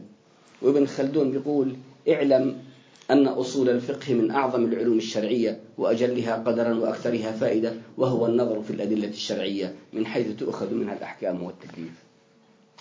أصول الفقه هو أصول الفهم للكلام المعجز ألا وهو القرآن. وإذا استطاع الإنسان أن يتوصل إلى مرحلة يفهم فيها المعايير والقواعد والضوابط التي بها يفهم كلام الله عز وجل المعجز فهو على فهم ما دونه أقدر. ولذلك مشكلتنا المنهجية تنحل بأصول الفقه. سؤال. ويطرحه ويتبعه سؤال آخر. وهل كان أصول الفقه إذن هو الذي ارتقى بالأمة في سابق عهدها؟ فكانت هذه الأمة التي نسعى اليوم إلى استعادة رؤيتها ورسالتها في الأمم؟ وهل نظن ونتكلم باعتبارنا ننشغل ونشتغل بهذا العلم ولا أقول أصحاب تخصص فأنا أستعمل مصطلح الاشتغال بالعلم والمشتغلون بالعلم. أما أصحاب التخصص من الأصوليين فمرحلة لا أزعم أني صرت فيها ولا إليها بعد. أقول المشتغلون بعلم الأصول اليوم إذا هم يمكن أن يقولوا للناس إذا تعلمتم الأصول يمكن أن نعود بالأمة لتصبح الأمة في عهد سابقها من رسالتها وعزها. أقول إن القضية تكاملية. هذا العلم الذي قد حوى مجموعة من العلوم. لأنه حوى مجموعة من العلوم صار متميزا فصارت الأمة بحاجة إليه. حتى لا نقع في هذا الخلط خلط الأوراق خلط المصطلحات خلط المعايير التي تفضل بها دكتور وليد في عرضه. أقول إذا نحن بحاجة إلى أن نرى كيف يمكننا أن نقرأ علم الأصول من جديد.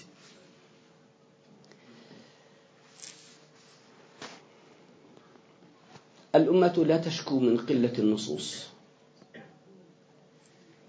ولا تشكو من كثرة المادة العلمية المبثوثة اليوم المدونة المطبوعة منها والمرئية. ولكنها تشكو من منهجية فهم الخطاب. إذ فقدت المنهج وفقدت المعيار والأمة التي أو الإنسان الذي يفقد المعيار إذا لا ميزان عنده يقيس به الأمور. وإذا فقدنا الميزان عند ذلك لا شيء يبقى في فهمه الحقيقي والصحيح. بلغة الموازين الحسية فما يساوي كيلو قد يساوي ألف والذي لا يساوي ألف قد يساوي أكثر أو أقل لأن الميزان غير موجود. والذي يشتري سلعة بغير ميزان أو بميزان مختل سيكون مغبونا لذلك أقول إن الأمة قد خدمت النص من جهة الحفظ لأن الله تعهد به. وخدمته بنص النبي صلى الله عليه وسلم خدمته خدمة لا مثيل لها بين الأمم. لكن المشكلة ليست في النص الذي قد دون ولا في الفقه الذي استنبط وكتب ودون اليوم. فلقد صارت مكتباتنا كطلبة علم مليئة بكل المراجع التي لم تكن بين أيدي العلماء قبل خمسين عاما أو عشرين عاما. لم يكن الفقه المدون اليوم على هذه الهيئة الموجودة ولا الأحاديث المخرجة ولا ولا البلاغات القرآنية التي نسمعها في كل يوم لم تكن موجودة في العهد الذي كانت فيه الأمة أمة عز. إذا فأين الخلل؟ إذا كنا نريد أن نتعلم علم الأصول وأقول علم الأصول فيه ما ليس في بقية العلوم ليس تقليلا من أهميتها ومكانتها ولكنه لأنه جمع أطراف العلوم فصار المعيار فيه واعيا وجامعا لكل هذه العلوم عندها يستطيع قارئ هذا العلم أن يتوصل بمعاييره وقواعده وضوابطه إلى أن يسير بميزان متزن في حياته وفي فهمه للأشياء. وأي أشياء هذه التي يريد أن يفهمها؟ اليوم يدعو الناس المفكرون المعاصرون أو المشتغلون بالأفكار. لا أقول المفكرون المشتغلون بالأفكار من المعاصرين على اختلاف مشاربهم يعرضون علينا أن أصول الفقه هذا الذي نزعم أنه هو الميزان والضابط بحاجة إلى تعديل وتغيير. وهذا الذي طرحه أخي الحبيب في ثنائيات النكدة التي طرحها علينا الإعلام اليوم حتى صارت على هيئة عجيبة فصار الحكم الشرعي المستفاد من النص القطعي قابلا للحوار وفي مجالس التشريع أو في مجالس الاستبانات أو غير ذلك. والسبب فقدان البوصلة. إن منهج علم الأصول أو علم الأصول بمنهجه ومعاييره وقواعده وضوابطه التي التي كتبت ودونت ولا أقول أنشئت. وفرق بين الإنشاء والتدوين. فعلم الأصول لم ينشئه عالم وإنما قام بتدوينه العلماء. وإنما علم الأصول نشأ مع نشوء الحكم الشرعي ومع تنزل النص وفهمه من رسول الله صلى الله عليه وسلم إلى صحابته الكرام. أما التدوين فكان متأخرا كما تعلمون. هل نحن بحاجة إلى علم الأصول؟ وإذا تعلمناه فهل يمكن أن نحل مشكلتنا التي نحن فيها كأمة؟ نحن كأمة قد تداعت علينا الأمم وكثرت علينا السهام فلم نعد قادرين على رد هذه السهام وصرنا في وضع المدافع حتى تنازلنا في الدفاع عن ثوابتنا وتنازلنا عن كثير من الثوابت وهنا أقدر وأدعو إخواني إلى قراءة رسالة فريدة في نوعها فريدة في عطائها لأستاذ مبدع قدمها في هذه الكلية عنوانها الثابت والمتغير للأخ الحبيب المبدع دكتور رائد أبو مؤنس. فارجعوا إليها فإنه لم يكتب أو لم يكتب فيما رأيت أحد مثلها. الثابت والمتغير هذا الذي هجموا عليه وأتوا به وطيروه وضيعوه. لذلك ما الهدف من تعلم العلوم الشرعية العامة أو بعامة وعلم الأصول بخاصة. ما الرسالة التي نحملها للعالم ولأنفسنا؟ والسؤال ما وظيفتنا؟ كيف يتم فهم الخطاب الشرعي؟ وكيف يتم إسقاطه وتنزيله؟ وما المنهجية التي نسير عليها حتى نحفظ على أنفسنا وعلى المجتمع دينه؟ هذا محور نحن بحاجة إلى الحوار فيه. علم الأصول ينظر الناس إليه على أنه علم يسير في فهم النص الفقهي العملي فهو مقصور وقاصر على هذا الجانب الذي يحتاجه الناس لكنه في حقيقة الأمر بمجموع العلوم التي احتواها هو نظرية معرفية كاملة يمكن أن نستعملها في الحياة كلها. منظومة بها نضع المعايير والموازين في فهم الأشياء في منظومة العلوم التي نتعلمها ونأخذها ولا أدل على ذلك من الأمثلة السياسية والاجتماعية والمعاملية المالية التي ضربها الدكتور ولا أريد أن أكرر. هذا الواقع الذي نعيشه اليوم الحل فيه عندنا لنحفظ على أنفسنا ديننا ولنرقى بمجتمعنا إنما هو هذا الرجوع إلى المرجعية الشرعية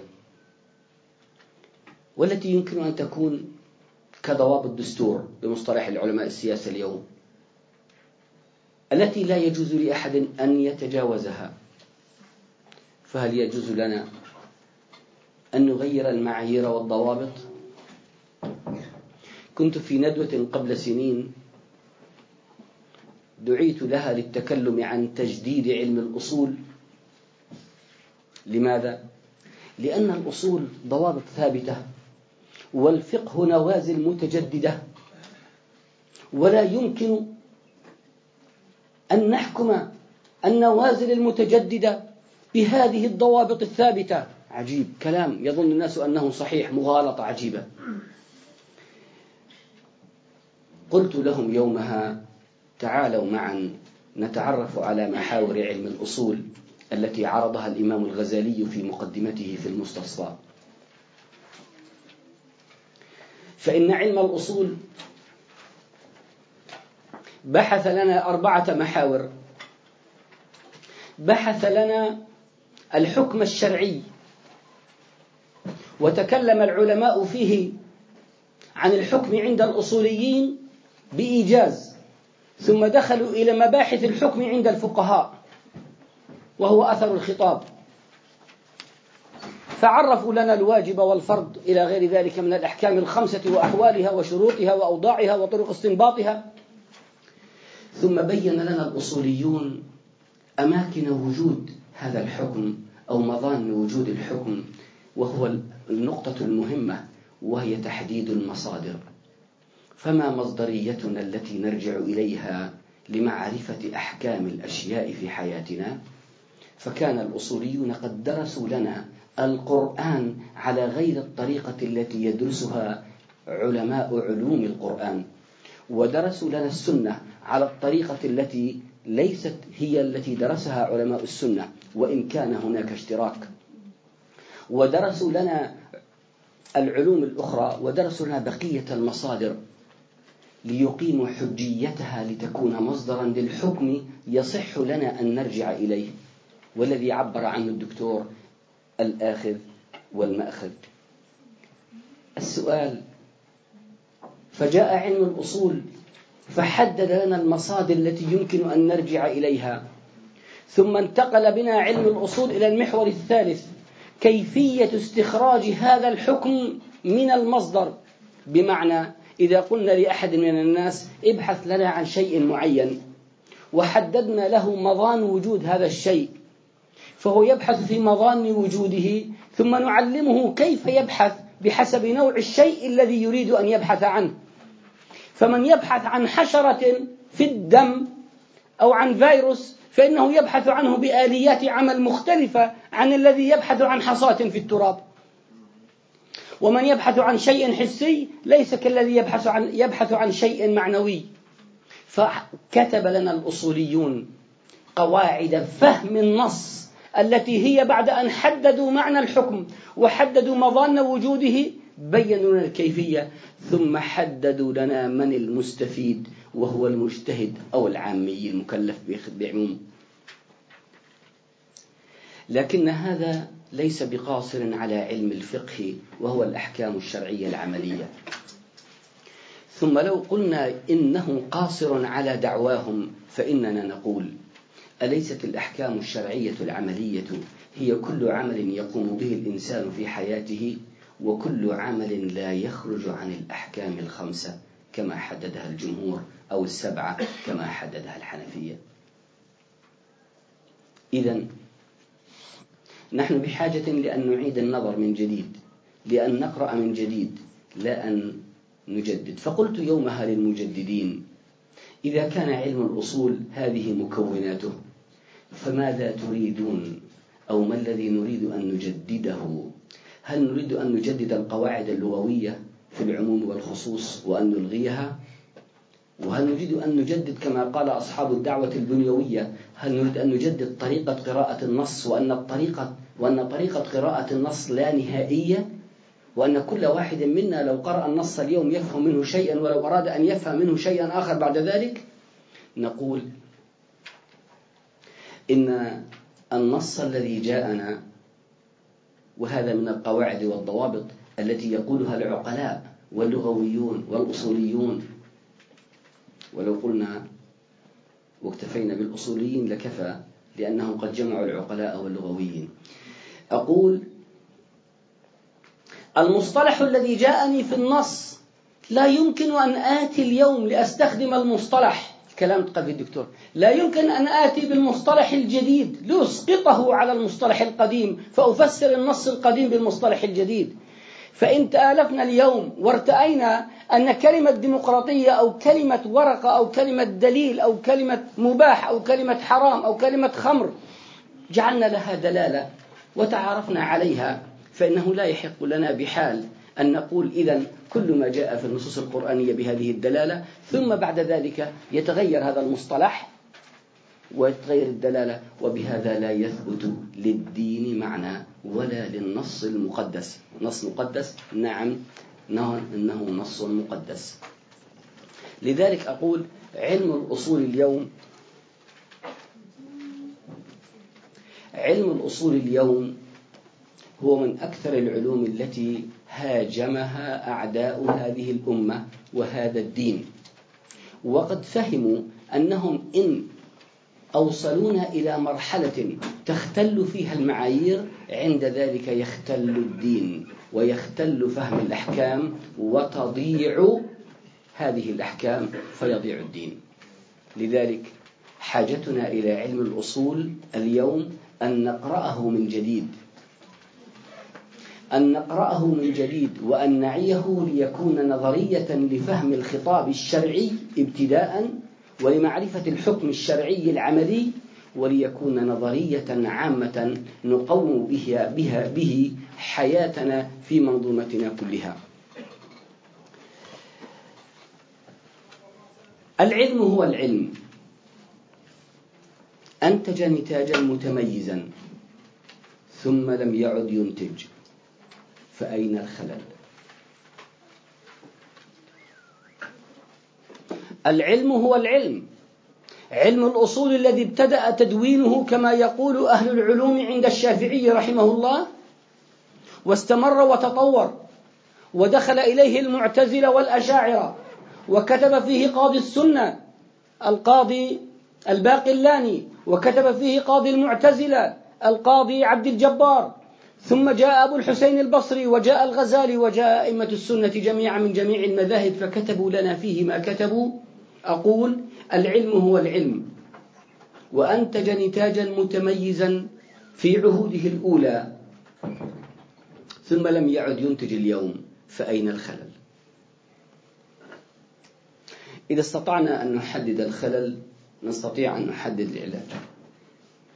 أما إذا لم نستطع أن نحدد الخلل إذا لن نستطيع إلا أن نبقى أن نبكي وأن نعيد. البكاء مرات ومرات على تاريخنا وعلى أمتنا ونبقى نقول كان علماؤنا ثم نذكر مآثرهم وفضلهم ولا نجد بيننا من يحمل فضلا أو عنده فضل. أين الخلل إذا؟ هذا يعيدنا لقراءة أخرى. القرآن هو القرآن. والقراءة هي القراءة. وكانت قريش تمنع الناس أن يستمعوا إلى القرآن. وجاءنا الإعلام المعاصر فرأينا إذاعات لا لا تنتمي إلى أي دولة فيها إسلام فتقرأ علينا القرآن. فلو كان القرآن مغيرا في الأمة كما كان عند العرب ولو كان الناس يفهمون القرآن كما فهمه العرب في مكة لما أذاعوه من إذاعتهم المشكلة أنا أقيسها وأقول هي واحدة من حيث الفكرة. كيف؟ لماذا الأمة بسنين قليلة بقراءتها للقرآن دون كثير من المتون ودون كثير من الكتب والأفكار؟ استطاعت أن تغير وجه التاريخ. ولماذا اليوم لا نستطيع أن نغير وجه التاريخ؟ والقرآن هو القرآن. السؤال نفسه أعيده في الأصول فأقول العلم هو العلم. أنتج إنتاجا متميزا ثم لم يعد ينتج. الإجابة هناك رأيناها عند سيد رحمه الله في كتابه لا إله إلا الله منهج حياة في معالم في الطريق. عندما قال الأمر سهل الإجابة كانت سهلة. أولئك يعني الصحابة رضوان الله عليهم تعلموا القرآن ليعملوا به ونحن نتعلم القرآن لأسباب كثيرة ولا واحدة منها العمل فلذلك كانت الأمة غير الأمة في أصول الفقه. أولئك تعلموا أصول الفقه لأنه يعبر عن واقع حياة ومنهج حياة متكامل في جميع مناحي الحياة. فكان علم الأصول على النحو الذي كان مؤثرا وبانيا. ثم لما تركنا الإسلام كدين وواقع حياة ومنهج حياة عند ذلك لم يعد للأصول وجود. وصرنا نشعر بأننا لسنا بحاجة وصارت الريادة بيد غيرنا ولا أعني الكفر والكفار ولا الدول الغربية ولا غير المسلمين وإنما أعني صارت الريادة بغير يد أهل العلم وصارت الريادة بيد أناس كل يصفهم بطريقته. هامشية الفقه في حياة الناس الاجتماعية والسياسية والاقتصادية والمالية وكل ذلك أدى إلى هذا الخلل أو إلى هذا الوضع الذي نحن فيه. ولهذا ما دورنا في بناء منهج جديد لإعادة الأمة. يرى بعض الناس أن الانشغال بالفقه وبعلم أصول الفقه وتدوين هذه الأمور في الزمن الذي ضاعت فيه الأفكار والمناهج منهج الحياة كأننا نشتغل في فقه الأوراق ولا داعي لذلك. ورأى آخرون أنه لا يتم شيء من ذلك إلا بما كان عليه الأولون ولا يصلح أمر هذه الأمة إلا بما صلح به أولها. القراءة القراءة في فلسفة أصول الفقه ودوره المنشود وكيف يمكن أن يقوم بمهمته مع تجدد الأحداث والأزمان. أقول هذه المهمة هي مهمة أهل العلم اليوم. ونحن بحاجة في كليات الشريعة. وهي دعوة منها على هذا المنبر. أسوقها وأقول نحن بحاجة إلى إعادة النظر في مناهج كلياتنا في موضوع علم أصول الفقه. لا ليكون درسا على هيئة تقليدية فقط أنقل فيها النص الأصولي ومثاله الفقهي وينتهي الأمر هنا. وإنما ننتقل إلى وعي كالوعي الذي كان ينتقل الناس فيه مرحلة بعد مرحلة. ولننظر أين الخلل في تعليمنا ومناهجنا في هذه الجزئية. وأزعم أن في الكليات عدد من المخلصين الكثر الذين يمكن أن يتبنوا هذا وأن يقوموا بهذه المهمة. أما أن تكون كليات الشريعة في مراحلها المتعددة ليتخرج طالب الدكتوراه وهو لا يعرف من أصول الفقه ولا من قواعده التي تحكم ضوابط رسالته في أي تخصص من التخصصات إلا القليل. ثم نندب حظنا بأننا لا نستطيع أن نفرق بين هذه المصطلحات والثنائيات التي نعيشها. ثم نرى بعضا من أهل من الناس الذين يحملون أو ينتسبون أو ينسبون إلى العلم الشرعي فتصدر منهم الفتاوى العجيبة والآراء التي تنسب إلى الفقه بشكل عجيب مخالف لكل ما أجمعت عليه الأمة. إن ذلك بسبب فقدان المنهج الذي يمكن أن يكون دالا للقارئ على فهم سديد. ماذا نريد من أصول الفقه اليوم؟ كلها أسئلة. تحتاج إلى أسئلة.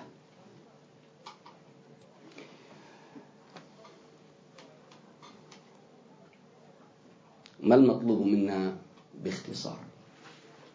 حتى ألملم أفكاري وأجمع عيداني وأطلق سراحكم فتخرجون إلى حياتكم. ما المطلوب منا؟ على المستوى الفردي وكل بموقعه وعلى المستوى المؤسسي وكل كلية علمية شرعية بمن فيها وعلى المستوى الرسمي وكل وزارة تابعة تهتم بالدين أو لها علاقة بذلك وكل مسلم ينتمي لهذا الدين في أي موقع من مواقع العمل الذي يعيش هو خاضع لحكم شرعي في عمله فهو بحاجة إلى هذا العلم. لذلك أقول ما المطلوب منا؟ إن الواجب الملقى على أهل العلم الشرعي هو الواجب الأكبر. ومن فاته أن يتعلم شيئا لأن الكليات قد قصرت في حقه فلا يقصر هو في حق نفسه. وإن المرحلة التي نعيشها ليس فيها التعليم الكلي. ومن يرتقي يرتقي بنفسه وبطريقته. ولذلك أدعو إخواني وأبنائي في كليات الشريعة للارتقاء بأنفسهم وأن يبحثوا بأنفسهم عن طريقة يتعلموا بها هذا العلم من العدول. إن استطاعوا. ليستطيعوا أن يعلموا بعد ذلك هذا المنهج لبقية الأمة. هذا جانب. والجانب الثاني إن الرسالة التي نحملها للعالم ولأنفسنا علينا أن نتبين وظيفتنا حتى نستطيع أن نؤدي هذه الرسالة. وإن علم الأصول بما فيه يحتاج منا إلى منهجية نفرق فيها بين قضيتين بين أن نتعلم الأصول كمنهج وهذا خطأ يقع فيه الكثير وهو إن علم الأصول باعتباره مناهج وضوابط يسير عليها المجتهد في استنباط الحكم الشرعي. إذا أنت بحاجة لأن تتعلم منهجا واحدا من أحد هذه المناهج ابتداء ليصبح المنهج عندك متكاملا. فإذا اكتمل المنهج عندك من بدايته إلى نهايته لن يحصل عندك تضارب ولا تعارض. أما إن أردت من البداية أن تقرأ أصول الفقه المقارن فأنت لم تصل ولن تصل. ولهذا نقول في الفقه وفي أصول الفقه إن أردت أن تتعلم فقها متوازنا متزنا غير متعارض فاقرأه مذهبيا.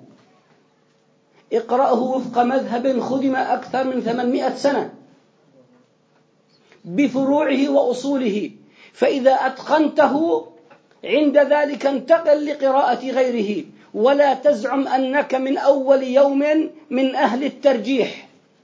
قالوا في المثل شو صار لك في القصر؟ قال له امبارح العصر. بسنة في الكلية تصبح من أهل الترجيح وبسنتين تصبح مجتهدا مطلقا. تعلم العلم ابتداء في الفقه وفي الأصول وفق منهج واحد. لا وفق أصول مقارن لأن علم الأصول المقارن لا يوصل. كيف؟ أشبهه بطرق. موصلة إلى هدف.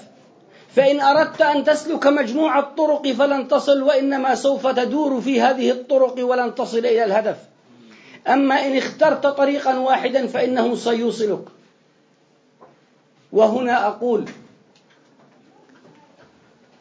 اختر لنفسك طريقا واكتب في مجال أشبهه بمن يمشي على شاطئ نظيف أو على شاطئ مليء. فمن يمشي على شاطئ مليء فإنه لا يرى أحد مشيه ولا خطواته ومن يمشي على شاطئ نظيف فالكل يراه.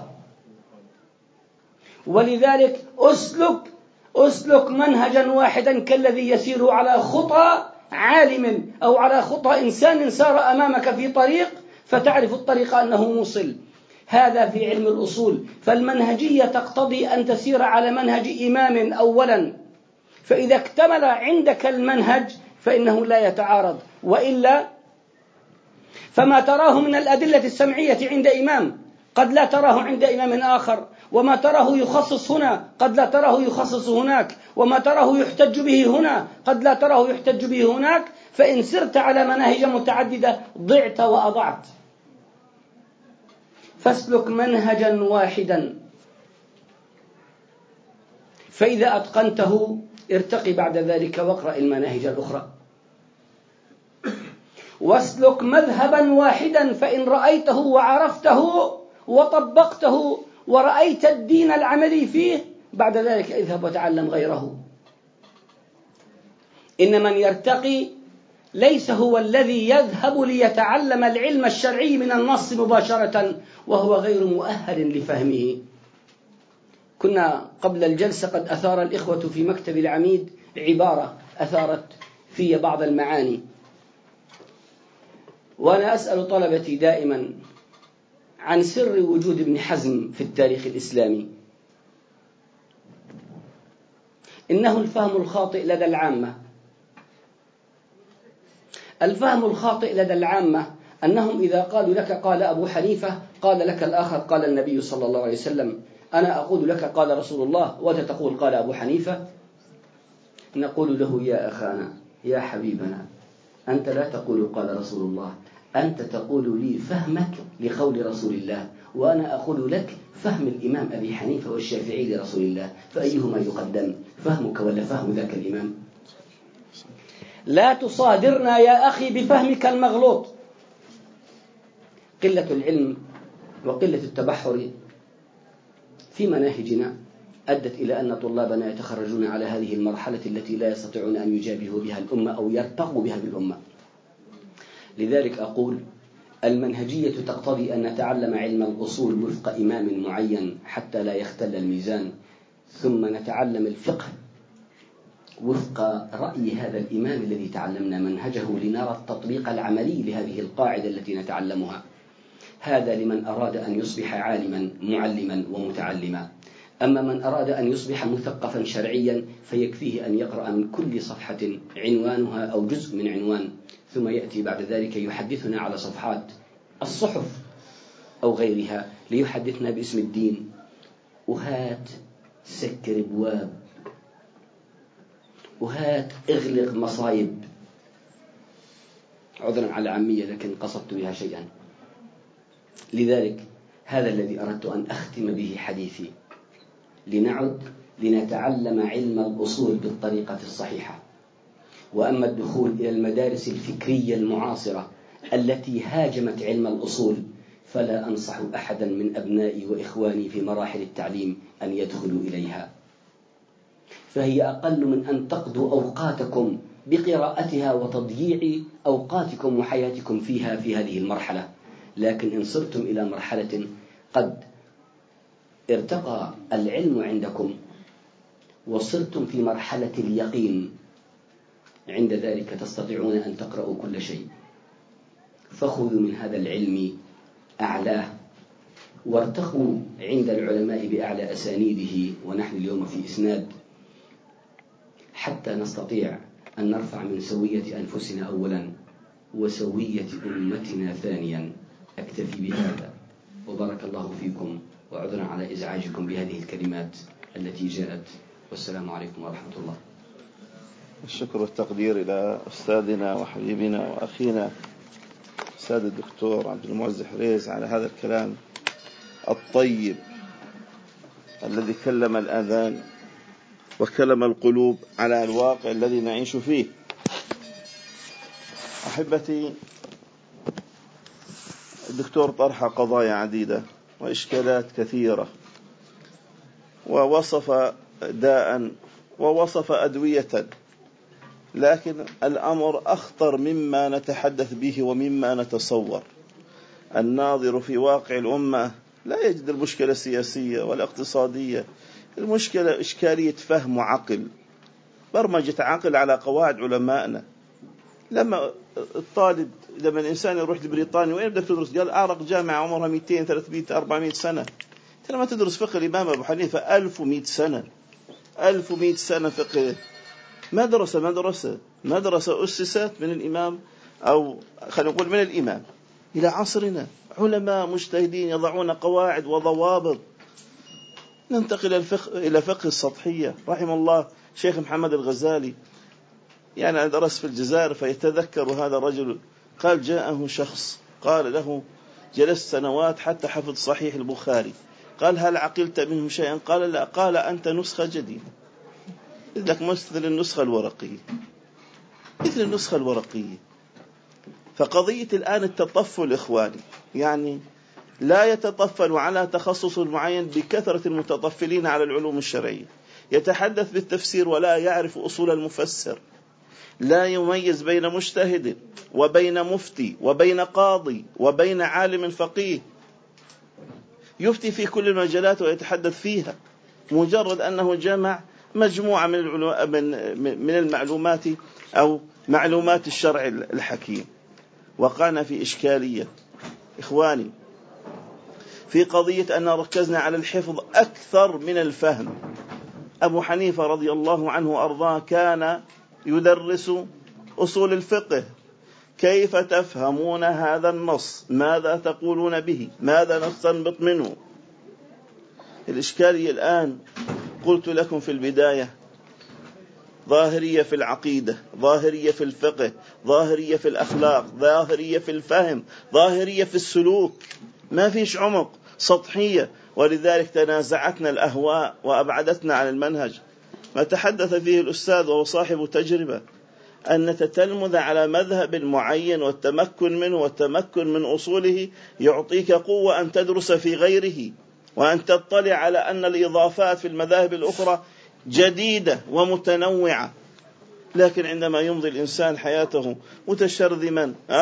ويريد أن يجعل من نفسه إماما في كل العلوم لن يصل مناهجنا وكتبنا وما يدرس في الكليات حقيقة أنه عندما نقول هنالك أصول وهنالك فروع خطط الكليات الشريعة وإن ابن هذه الكلية لا تميز بين الأصل والفرع لا تميز. أصول فقه مادة واحدة وهنالك مواد أخرى لا طعم لها ولا لون ولا رائحة ولا تهمنا من قريب ولا من بعيد. أصول الحديث يأخذ الطالب في سنة أولى ثم بعد ذلك تنسى. أصول الإيمان فقط في بداية أول فصل يأخذ ثم الإنسان لا يتمكن من هذا العلم. لابد أن تميز الخطب وأن تتميز الخطب بأن أصول الفقه. وكان إلى أنا اعتراض حتى على تدريس بعض المواد. مادة أحاديث الأحكام؟ كنت أقول ماذا اختصاص الفقه يا أخي؟ ما اختصاص شعبة الحديث؟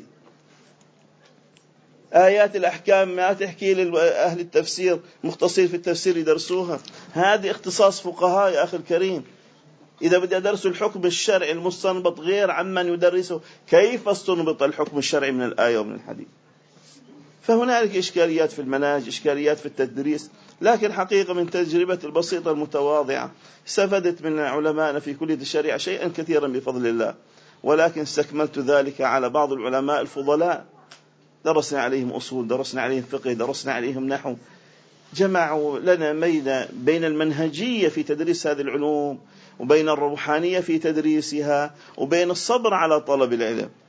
فإخواني لا يكتفي طالب العلم. إذا كانت هذه فروض كفاية في حق كثير فأصبحت التخصص والتعمق فيه فرض عين علينا.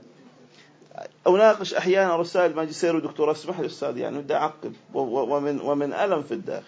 والله أناقش رسائل ماجستير ودكتوراه في الحديث. دعوني من الأصول. والله أنه شيء مبكي ومحزن ومفزع والحمد لله ما بقي على رأسي من الشعر شيء. الحمد لله. الله العظيم شيء عند له الجب الطالب لا يتكلم بلغة أهل التخصص. طالب لا يتكلم. كل ما يجد زيادة في حديث يقول هذه زيادة زيادة.